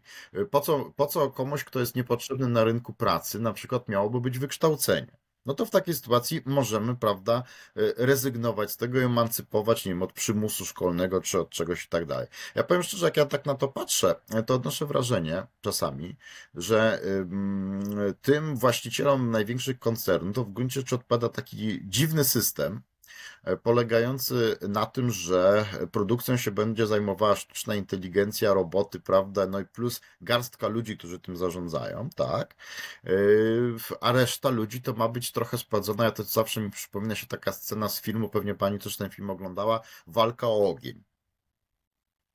Yy, I tam jest, tam jest taka scena, która mi się zawsze przypomina wtedy, że jak coś tam zobaczyli, jakiś zwierzę, jeden robi mm, mm, mm, a reszta mm, mm, mm.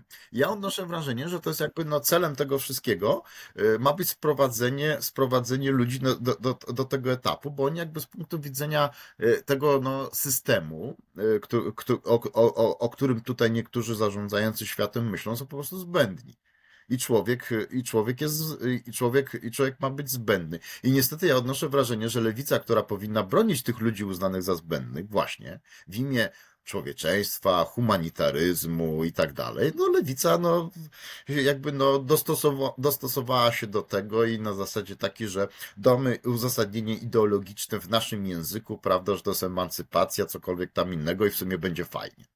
No i dlatego ja uważam, że niestety lewica e, jakby no e, porzuciła swój elektorat tradycyjny.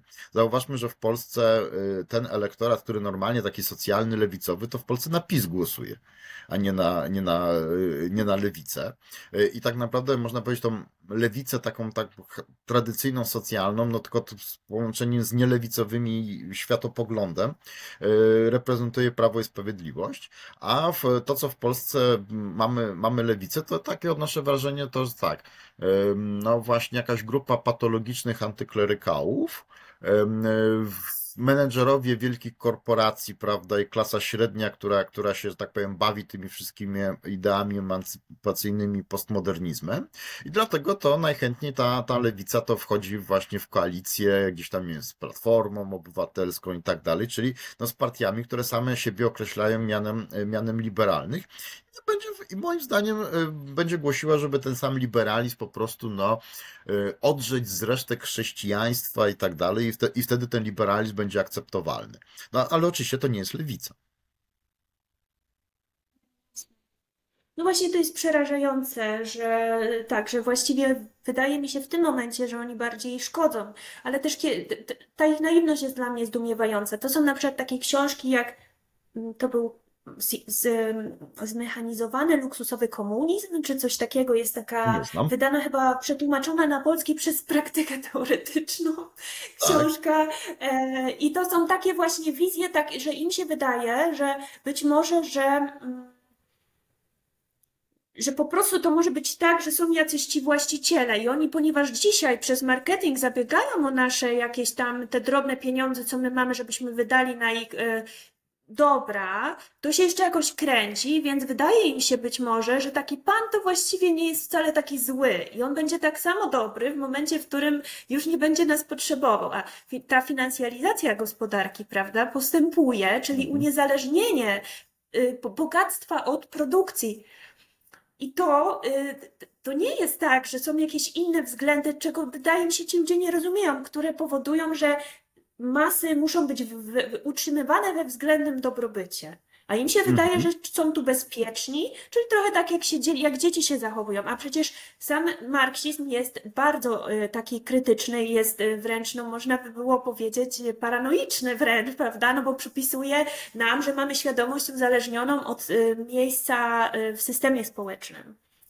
Więc y, tak, tak, nie znaczy, mamy za znaczy bardzo tutaj wolnej mhm. woli takiej tak, tak. tak. Wiele, no, znaczy Marx tu się trochę pomylił. No się okazuje, że jakby kultura jest w stanie sobie funkcjonować trochę niezależnie od bazy. Jest to moje, w moim przekonaniu ta lewica w Polsce jakby no, potwierdza ten przypadek yy, absolutny, że funkcjonuje sobie, nie, sobie niezależnie od bazy, a no ponieważ jeśli potraktujemy na przykład PiS jako taką partię socjalną, no to pokazuje, że ta baza partii socjaldemokratycznych, typowych lewicowych, prawda, się łączy, łączy z zupełnie innym światem idei niż to, niż to prawda, według teorii Marksa miała być. Ja, ja dlatego uważam, że jakby ta kultura jest jednak znacznie bardziej autonomiczna niż to się wydawało e, klasyką lewicy i lewica jakby sama padła tego, no nie wiem, ofiarą. Dla mnie czy dla pani tak, myśl, ale mhm. myślę, że dla tych, o których rozmawiamy sobie tutaj krytycznie, to oni jakby nie widzą w ogóle tego problemu i nawet się cieszą, że tak jest.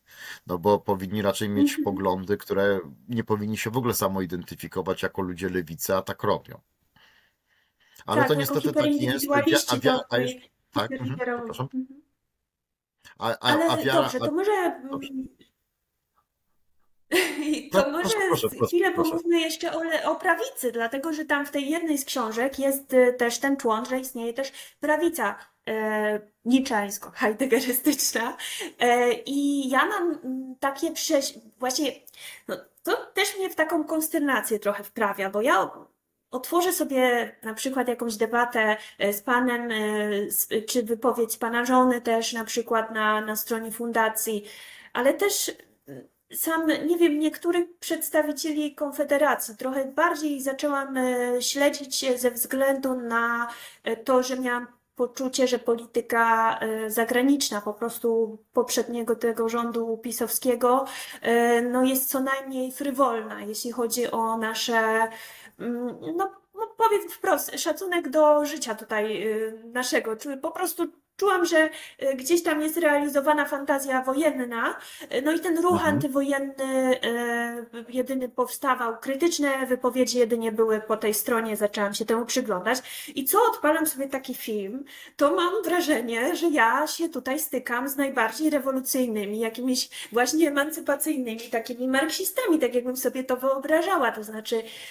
Ja nawet, y, y, no tak, no bo t- tak, no mi, tutaj są jacyś miliarderzy, którzy e, próbują zaszczepić jakieś swoje idee i po prostu my się musimy przeciwko nim zbuntować, bo oni nam chcą nie tylko nie poprawić, ale pogorszyć jakość życia, tak? E, no konserwatyzm kojarzy się z tym, że tutaj właśnie z ochroną instytucji, no to jest taka chyba podstawowa definicja, że chroni instytucje. Ja rozumiem, że jest jeszcze coś takiego jak jakaś kontrrewolucja, czy kontr, też kontrreformacja, ale generalnie no, y, konserwatysta powinien być y, za tą hierarchią tak naprawdę, nie? Że mm, tak mi się to wydawało, a tutaj jest y, tak. nieustanny bunt. Tak, zresztą jak Państwo je analizujecie, dlaczego y, Konfederacja osiągnęła niski wynik, no to główne takie opinie są, że po prostu zrobiła się mainstreamowa, no a takich, czyli taka tylko neoliberalna, bez tego elementu buntu ludowego, że tak to określę. No więc jak to w ogóle wyjaśnić? Jak to wyjaśnić, że, że, że prawica sprzeciwia się porządkowi, ładowi światowemu? Ja powiem tak, mam takiego kolegę, który zaczynał jako anarchista i w pewnym momencie został konserwatystą. No, straciłem z nim już parę, ileś tam lat temu kontakt, ale pa- pamiętam, jak mi tłumaczył, skąd jego, jak się stał konserwatystą. Przyszedł na jakieś spotkanie konserwatywne właśnie jako anarchista i stwierdził, że nie, tutaj to dopiero jest kontestacja. Mówi tak. Katolicka monarchia, tak mówi, e, antydemokratyzm, antyliberalizm, krytyka praw człowieka. To wszystko, co wiedziałem o kontestacji, to stwierdziłem, że to jest nic w porównaniu, porównaniu z tym, co jest tutaj.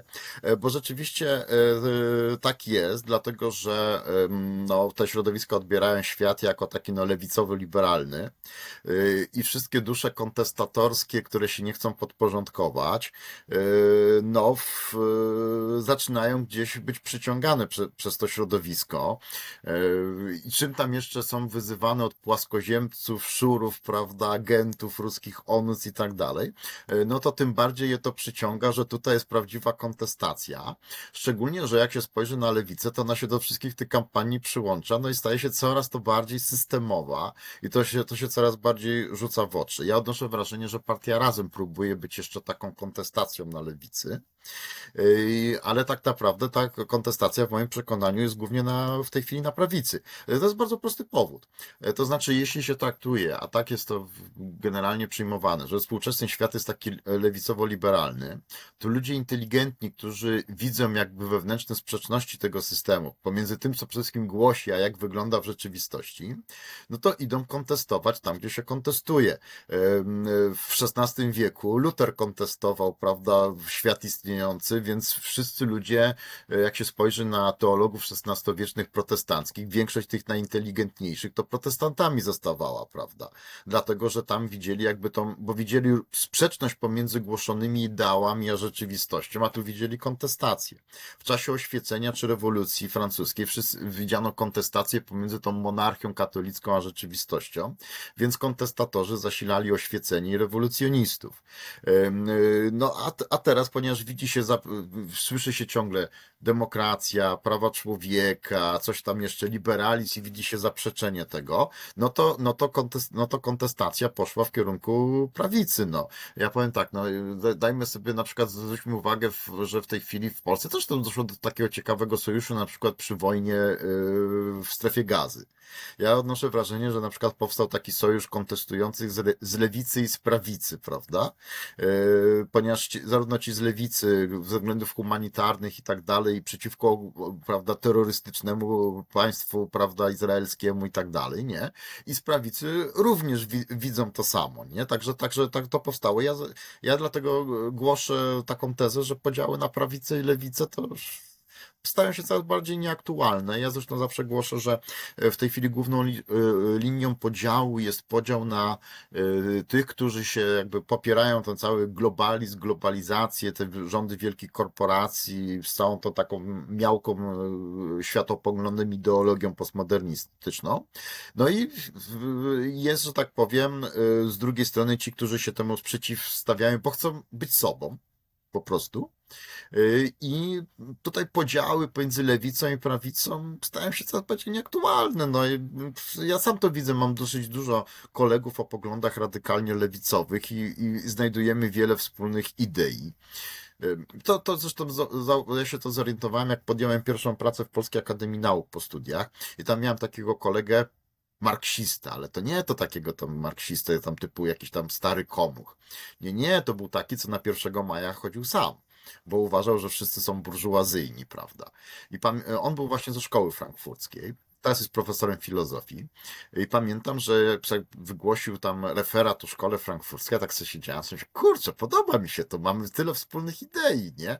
On tak na początku mnie trochę obwąchiwał jako faszysta, ale się szybko też zorientował, że mamy bardzo dużo wspólnych idei.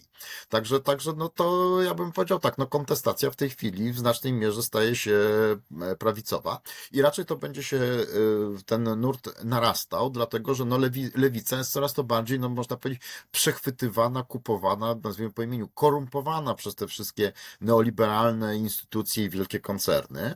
E, Dlatego kontestacja jest tutaj i osoby najinteligentniejsze będą gdzieś tam zmierzały, do, e, zmierzały właśnie w tym kierunku. E, Być może, że pani kiedyś jeszcze też trafi, e, prawda, z kontestacji lewicowej na To znaczy, kontestację to ja mam taką historię, że z kolei jak w 2015 zbierałam podpisy właśnie pod partią Razem, to spotkałam się z członkiem Ruchu Narodowego właśnie i żeśmy wymieniali tak opinię, no ja mówię, no tak, no i te wielkie korporacje nie płacą tu podatków. No tam właśnie się dogadaliśmy, że ich to też boli. I tak wtedy Tak. też miałam takie...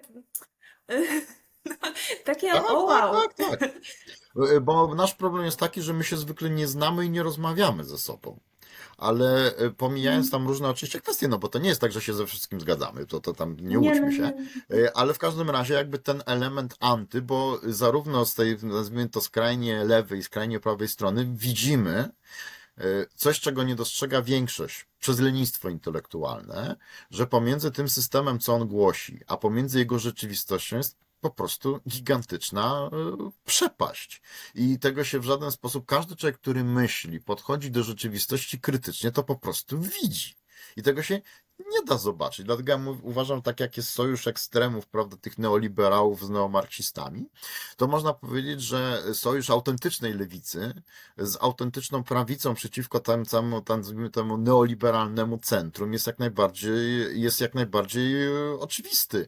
Dlatego, że no, sprzeciwiamy się temu, żeby cały świat należał do kilku koncernów, no i paru ich ideologów i, i, i ogłupiana masa przez środki masowego przekazu, głównie przez telewizję. No bo, no bo każdy człowiek inteligentny nie jest w stanie tego znieść, tego jazgotu.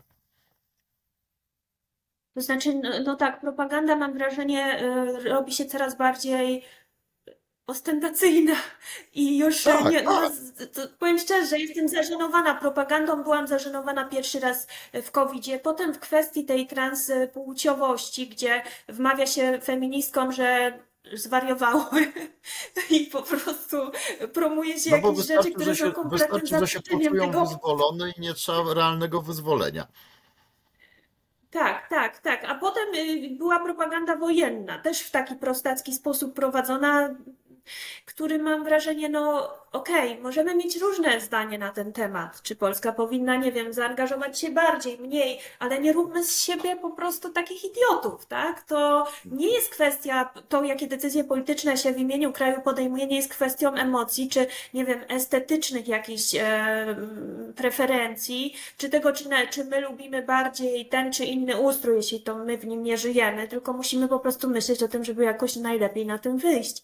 Tutaj to zostało pominięte i po prostu e, robiło się z każdego, kto próbował dyskutować zdrajcę, wcześniej się robiło antyszczepionkowca. E, Cały czas są nowe pomysły, nie? Jak, jak Tak. spowodować, żeby żadnej dyskusji nie było. Y, E, Dlatego, że elity polityczno-finansowe i świat mediów w czasie, nazwijmy to, afery wakcynacyjnej, ja używam słów kluczy ze względu na algorytmy, e, w czasie afery wakcynacyjnej y, nauczyły się i moim zdaniem tutaj celem jakby tej całej afery z jednej strony było zrobienie gigantycznych pieniędzy przez e, wielkie korporacje, a z drugiej strony stworzenie aparatu dyscyplinowania społecznego za pomocą wywoływania i zarządzania zbiorowego strachu i nienawiści do tych, którzy, przepraszam, ja mam pytanie bo oni stali się największym, największym wrogiem. To zostało raz przećwiczone. Okazało się, że to działa, więc yy, yy, odnoszę wrażenie, że elity polityczne, nie tylko w Polsce, świata w ogóle, podjęły decyzję, że będą zarządzały wielkimi masami poprzez strach, budowanie prostych emocji, dobra, zła i tak dalej, zniechęcając do myślenia.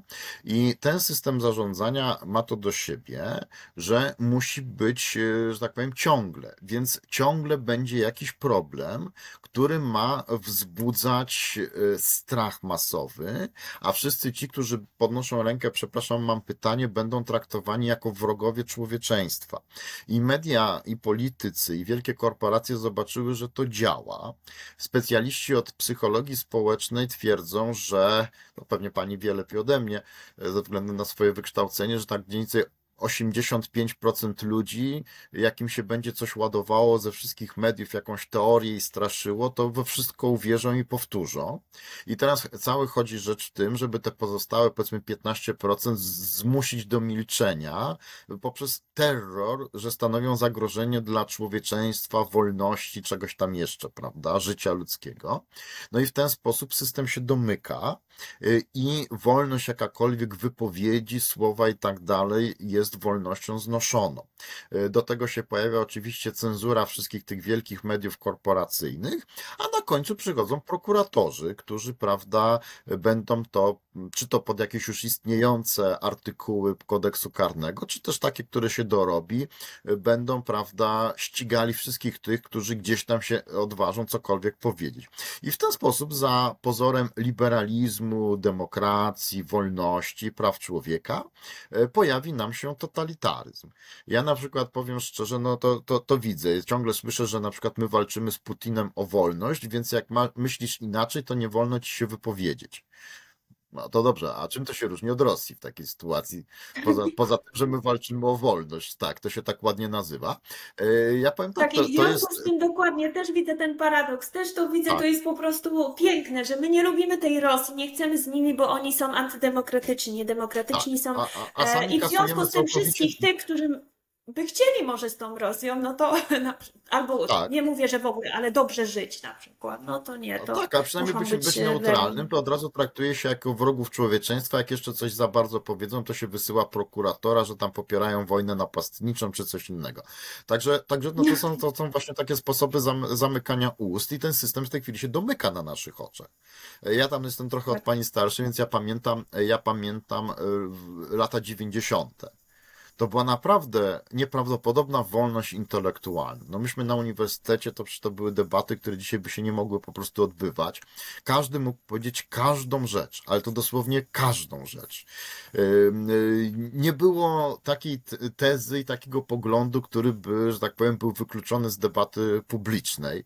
Y, I to, to były czasy absolutnie, można powiedzieć, złotej wolności dla ludzkiego umysłu. A potem już było stopniowe domykanie, domykanie systemu i wszystko zawsze pod hasłem wolności. Mnie to zawsze przypomina taką anegdotę, e, kiedy e, Maksymilian, Maksymilian Robespierre zdefiniował swój, swoją wizję. I kiedyś powiedział właśnie, ja to mój ulubiony cytat, że e, rząd republikański jest to despotyzm wolności przeciwko tyranii. Tak, I teraz to jest pytanie, co to, czym się różni despotyzm wolności od, od, od, od tyranii? No ja odnoszę wrażenie, że niczym. Y, I w tej chwili ten system się domyka. My jesteśmy prawdopodobnie jeszcze ostatnimi pokoleniami, które myślą. Y, Następne pokolenia już mają kompletnie nie myśleć, nie, ma, nie mają nie mieć swobody wypowiedzi y, jakiejkolwiek. To szczególnie silne jest w Europie, bo co ciekawe, te Stany Zjednoczone w te jednak te no, przekonania o tym są jakieś tam swobody wypowiedzi paradoksalnie są większe niż w Europie, Y, a w Europie, w Europie niestety system się domyka z niesamowitą e, szybkością. Y, No i prawdopodobnie no niedługo wszystko będzie penalizowane, każda myśl inna. E, Ja myślę, że to się w końcu skończy na przykład penalizacją tak zwanych fake newsów, czyli będzie można na przykład na takim Twitterze czy Facebooku e, dawać linki wyłącznie do Gazety Wyborczej, TVN-u, TVP, prawda, i Onetu i każdy link do czegokolwiek innego może będzie, będzie traktowany jako fake news, prawda, no bo, no bo będą media, które będą traktowane jako te, które dyktują prawdę o każdej, o każdej sprawie i każdy inny pogląd, krytyka i tak dalej, to od razu będzie, prawda, o 6 rano pukanie do drzwi. Dzień dobry, prokurator. Jestem, proszę wydać telefon, laptopa i pójdzie pan z nami.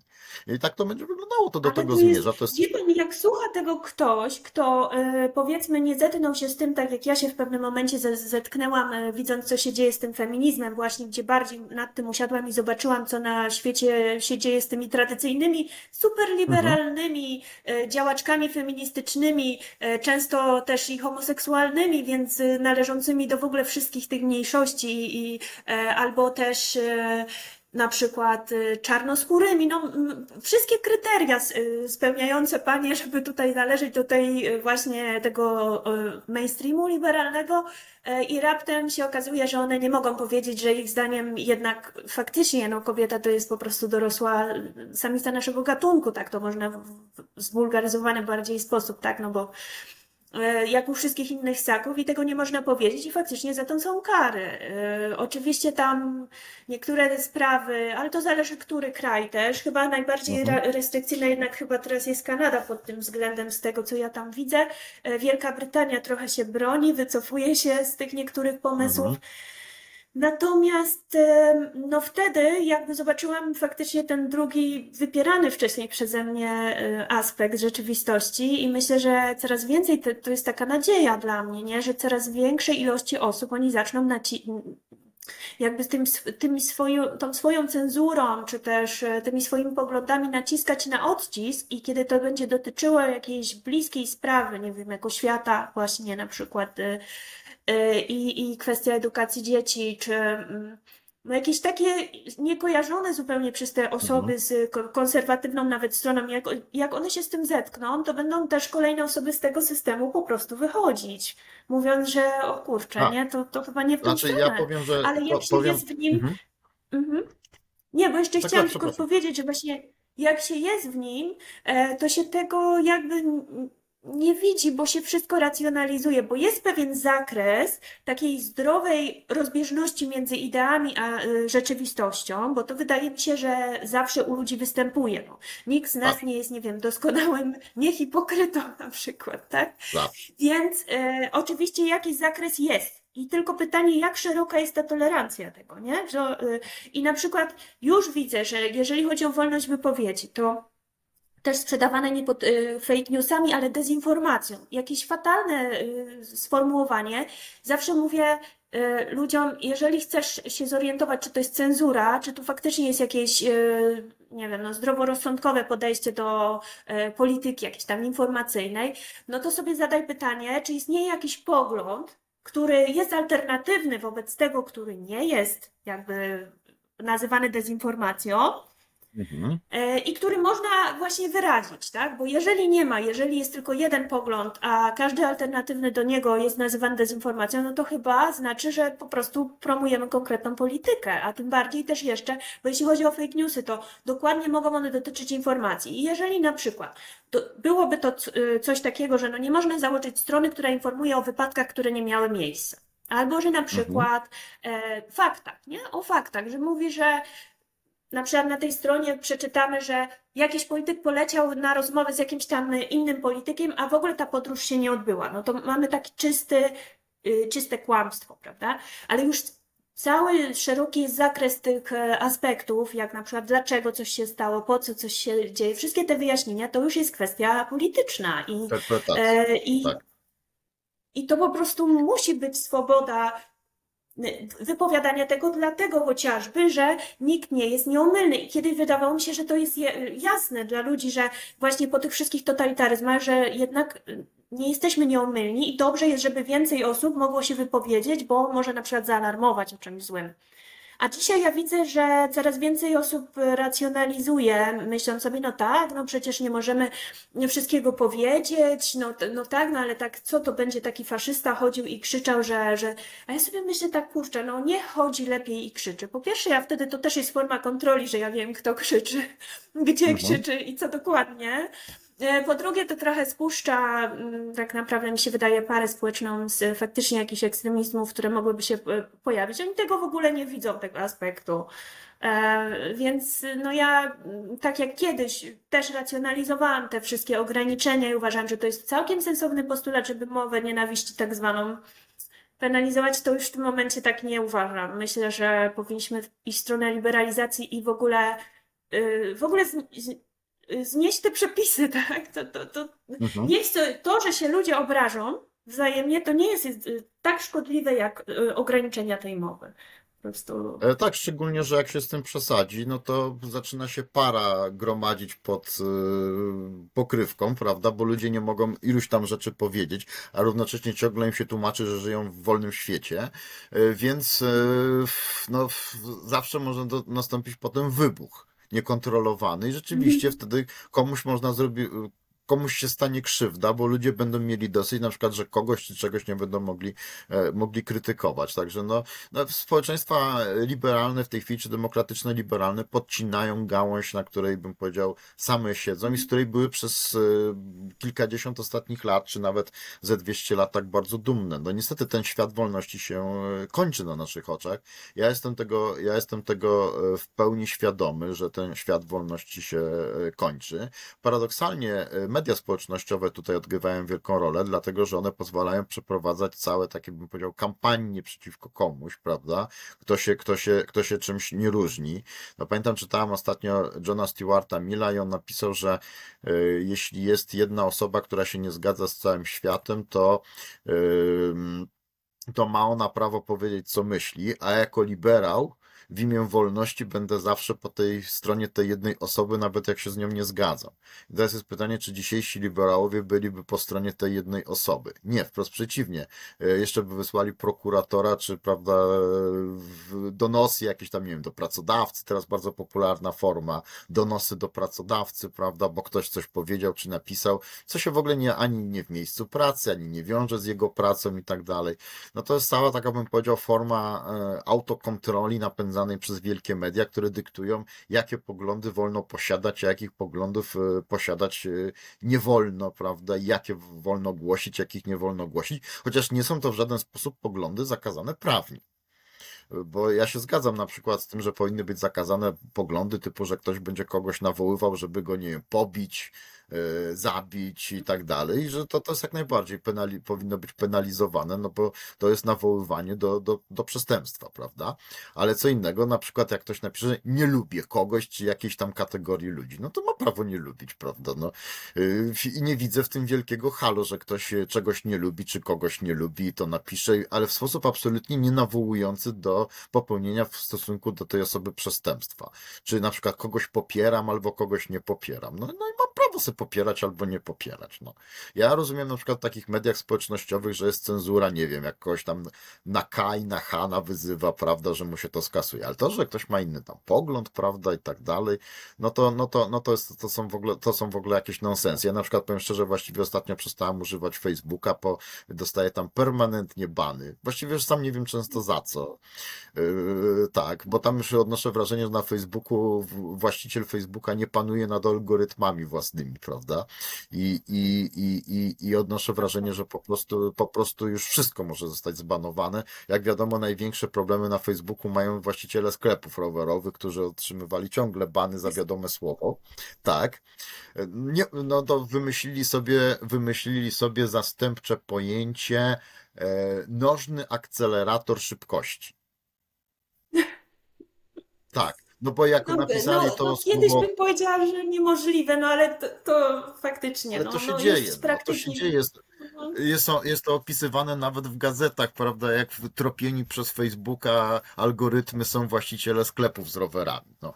No także no to, to są nonsensy, prawda? No bo te algorytmy są po pierwsze głupie, a po drugie zdaje się, że nawet właściciele już jakby nie kontrolują tych algorytmów, prawda, jak to działa. No i, no i to, to jest po prostu no, system, którym, którym jest e, całkowity, całkowity nonsens. No i, i, i nie, ale to niestety jest taki, taki bym powiedział dosyć symptomatyczny wizerunek, że media społecznościowe stają się coraz bardziej narzędziem uniformizacji e, wypowiedzi, myślenia i wyznacznikiem tego, bo to tak, najpierw telewizja coś powie, a potem stado, prawda, e, stado się rzuca, a jeszcze, jeszcze, jeszcze oprócz tego masa botów jest, e, prawda, opłacanych przez, czy to państwa, czy przez wielkie korporacje, które się natychmiast rzuca na kogoś, kto ma inny pogląd, na które te boty są wyczulone, nie? No i to, to, no, no to wszystko przesta, prze, przestaje mieć jakikolwiek sens i, nie, i coraz mniej się ma wspólnego z jakąkolwiek wolnością.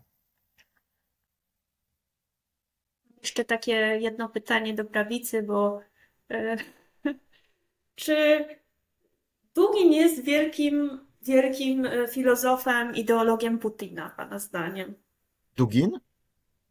E, Tak. Ja powiem tak, w Polsce tak się uważa. E, No W Polsce właśnie, to tak się bardzo, uważa. e, w Polsce się A tak to jest też uważa, ale przykład, Pan mówi, tej właśnie eklektycznej, takiej jakby postmodernistycznej prawicy, tak? Tak, to tego, jest co typowy Pan... e, postmodernista, zresztą też niczańista i heideggerysta. No postmodernizm jego polega przede wszystkim na tym, że on łączy ze sobą wszystko. Komunizm, faszyzm, nazizm, jakieś, no nie wiem, elementy islamu, Mhm. czegokolwiek, wszystko co antyliberalne łączy w jedną papkę. E, To więc to jest postmodernista, to, to co do tego nie mam wątpliwości. E, A czy jest głównym ideologiem Putina? Ja powiem tak, on jest permanentnym krytykiem Putina przede wszystkim, o czym w Mhm. Polsce się go nie widzi. To jest radykał, przy którym Putin to jest w ogóle umiarkowany, liberalny, prawie że polityk rosyjski. Y, On permanentnie krytykuje ekipę Putina. Przecież on właściwie od 2014 roku e, uważa, że Putin to jest mięczak, prawda, który nie rozjechał Ukrainy czołgami. No tak jest de facto od 2014 jego pogląd. Teraz to też uważa, że jest mięczak, bo jeszcze nie użył broni atomowej.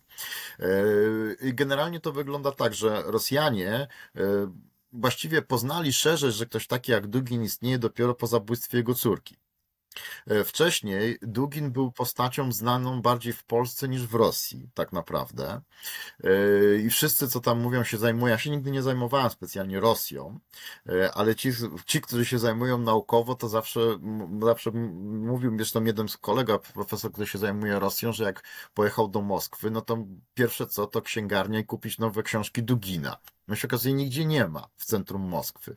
Zaczął szukać, grzebać w internecie i znalazł jakąś księgarnię duginistyczną, bo na ostatnim przystanku metra gdzieś tam wysiadł na, na, na, na rogatkach Moskwy, prawda, i księgarnia była w piwnicy. Także, także nie, nie jest to postać szczególnie e, w, szczególnie w Rosji aż tak bardzo znana. Ona się stała teraz głównie przez, przez zabójstwo jego córki.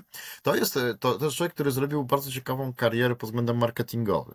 To znaczy, kiedy Putin doszedł do władzy w Rosji, przyjechał na zachód, przetłumaczył kilka swoich książek na angielski, niemiecki, francuski, włoski, hiszpański, bo na te języki przetłumaczył. I mówi, dzień dobry, nazywam się Aleksandr Dugin. E, Chcecie Państwo wiedzieć, e, co głosi Putin? No to ja jestem jego głównym ideologiem i tu proszę kupić moje książki.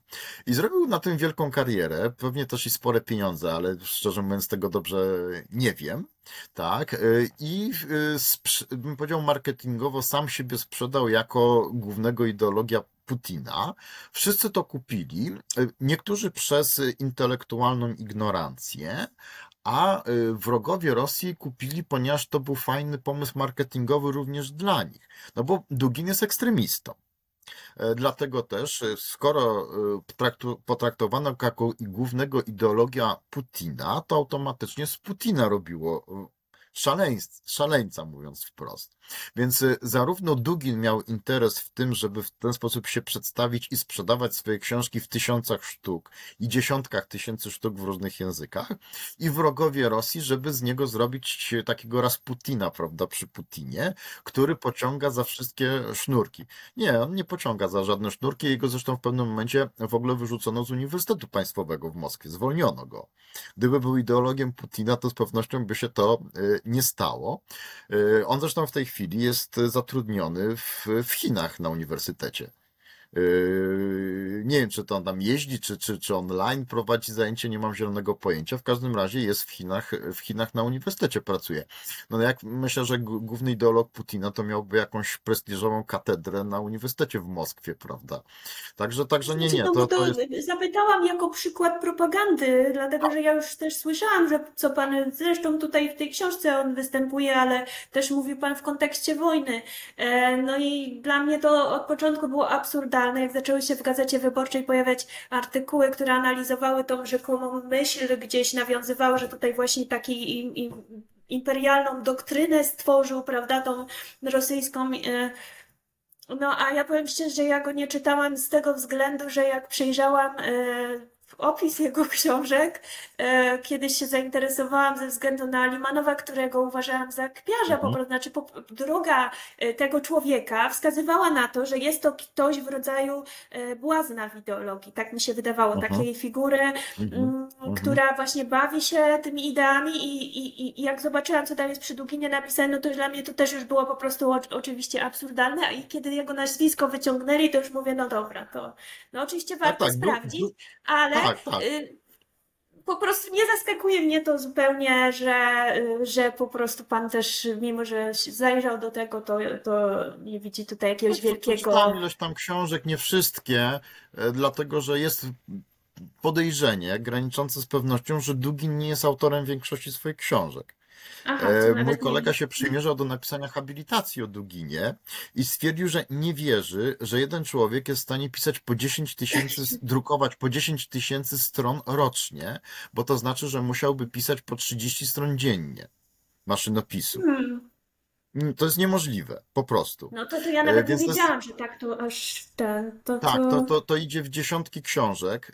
To, to jest niemożliwe, żeby jeden człowiek to wszystko napisał, ale to ja powiem tak, akurat na wschodzie, nie mówię tylko o Rosji, Ukrainie też jest to możliwe. Kiedyś poznałem, e, zapoznałem się z jakimś profesorem ukraińskim, tak około 40 i mówią, że tutaj pan profesor z Ukrainy, tam chyba też socjolog jak Dugin i ma 400 publikacji naukowych. Tak sobie myślałem. To on tak, 15 lat jest po studiach, czyli y, musiałby tak mniej więcej po 25-30 publikacji naukowych rocznie, czyli po 2-3 artykuły miesięcznie naukowe. To jest niemożliwe. Po prostu, bo jeszcze kiedyś musi czytać. Y, I No potem tak. mi wytłumaczono, jak to wygląda na wschodzie. To znaczy, jest kierownik katedry, ma na przykład 15 pracowników, wszyscy piszą i drukują jako on.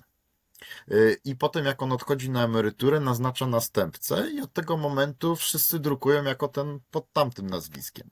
I ci, którzy nigdy nie zostają kierownikami tej katedry, nie mają żadnych publikacji poza doktoratem i habilitacją, ale za przepchnięcie doktoratu i habilitacji odpowiada ten szef. Także to jest taki system feudalny i zdaje że Dugin też takie przedsiębiorstwo po prostu sobie założył. To jest coś, czego, czego, czego my w Polsce nie jesteśmy w stanie w ogóle zrozumieć. Aczkolwiek gdzieś tam, jak się patrzy na takich starszych profesorów z lat 60., to oni jeszcze też tak funkcjonowali, że oni piszą główny tekst, asystent wygładzi, zrobi przypisy, prawda, drugi i, i tak dalej. To taki, taki feudalizm w polskiej nauce też, też jeszcze gdzieś tam, e, nie, teraz to już nie, nie istnieje, ale bo już, po, już dawno to pokolenie poszło na emeryturę albo i wymarło, ale, ale jak ja jeszcze zaczynałem pracę, to jeszcze się takie, takie osoby widziało gdzieś tam, e, nawet takie, co nie pisały na komputerze, więc e, dyktowały, prawda, i całe, całe grono doradców, asystentów e, pisało razem z nimi de facto książki, a on im nawet nie dziękował, nie? Także, także to, to, to, to odnoszę wrażenie, że Dugin też po prostu takie przedsiębiorstwo założył. To zresztą, jak czytałem tam jakąś ileś książek, to w jednych zaprzecza tezom z drugich książek i jakby bez żadnego zająknięcia. Więc ja się niestety podejrzewam, że znaczna część tej twórczości tak naprawdę jest tylko podpisana jego nazwiskiem, ale zaznaczam ze względów procesowych o zniesławienie, że, że e, nie mam co do tego pewności. Jest to tylko podejrzenie graniczące z pewnością. Dobrze, to myślę, że wiele wątków już omówiliśmy. Pan właściwie tutaj na wiele pytań odpowiedział, a mam jeszcze takie może coś, co by jakoś na zakończenie. E, czy pan uważa, że idee same w sobie polityczne mogą być groźne? Że są groźne? Jak trafią na odpowiednie warunki społeczne. ta sama idea na innych warunkach społecznych nie jest groźna. Ja na przykład powiem szczerze, kompletnie nie rozumiem e, jakiś awantur, na przykład, że po polsku się ukazał Mein Kampf. E, To jest książka, m, która zresztą uważam jest bardziej ciekawa dla psychologa niż dla historyka myśli politycznej, bo to jest o psychologii w- artysty, który stwierdził, że pomaluje świat na swoje kolory. I to jest właściwie cała książka o wielkim, o wielkim artyście, który chce przebudować świat według własnej wizji artystycznej. Nie wiem, czy pani czytała. E, Także to, to z psychologicznego punktu Nie, widzenia no jest to coś absolutnie fantastycznego, jak on na przykład opisuje, jak mm, e, e, chcą zorganizować tam jakąś imprezę, prawda? I czekają, że przyjdą komuniści rozbić, rozbić tą imprezę z jakąś bojówki. I on tutaj tak, tu będę stał, tutaj moi zwolennicy, tutaj moi chłopcy z pałkami, prawda? Przemawiam, nie ma ich. Ale patrzę, wreszcie weszli. Tak, wchodzą i idą prosto w moim kierunku. Tak jak wyreżyserowałem i zaplanowałem. Ja wtedy z umówionym znakiem podaję i wyskakują moi chłopcy z pałkami, prawda? Ja, prawda, oglądam wielki spektakl, który zaplanowałem, wszystko się odbywa tak, jak jest. No jest to, jest to e, maniak, m, ale bym powiedział, to jest książka o psychologii e, artysty, który postanowił nie malować na papierze, e, znaczy nie malować obrazków, tylko świat przemalować na swoje kolory. Ja powiem szczerze, z punktu widzenia jakby ideologii, która tam jest, nie ma szans, żeby ktokolwiek to, nie wiem, w Polsce, w przeciętnych Niemczech, czy gdziekolwiek ktoś to przeczyta, żeby się tym przejął, y, żeby to potraktował z powagą. Inna rzeczywistość historyczna, inne problemy.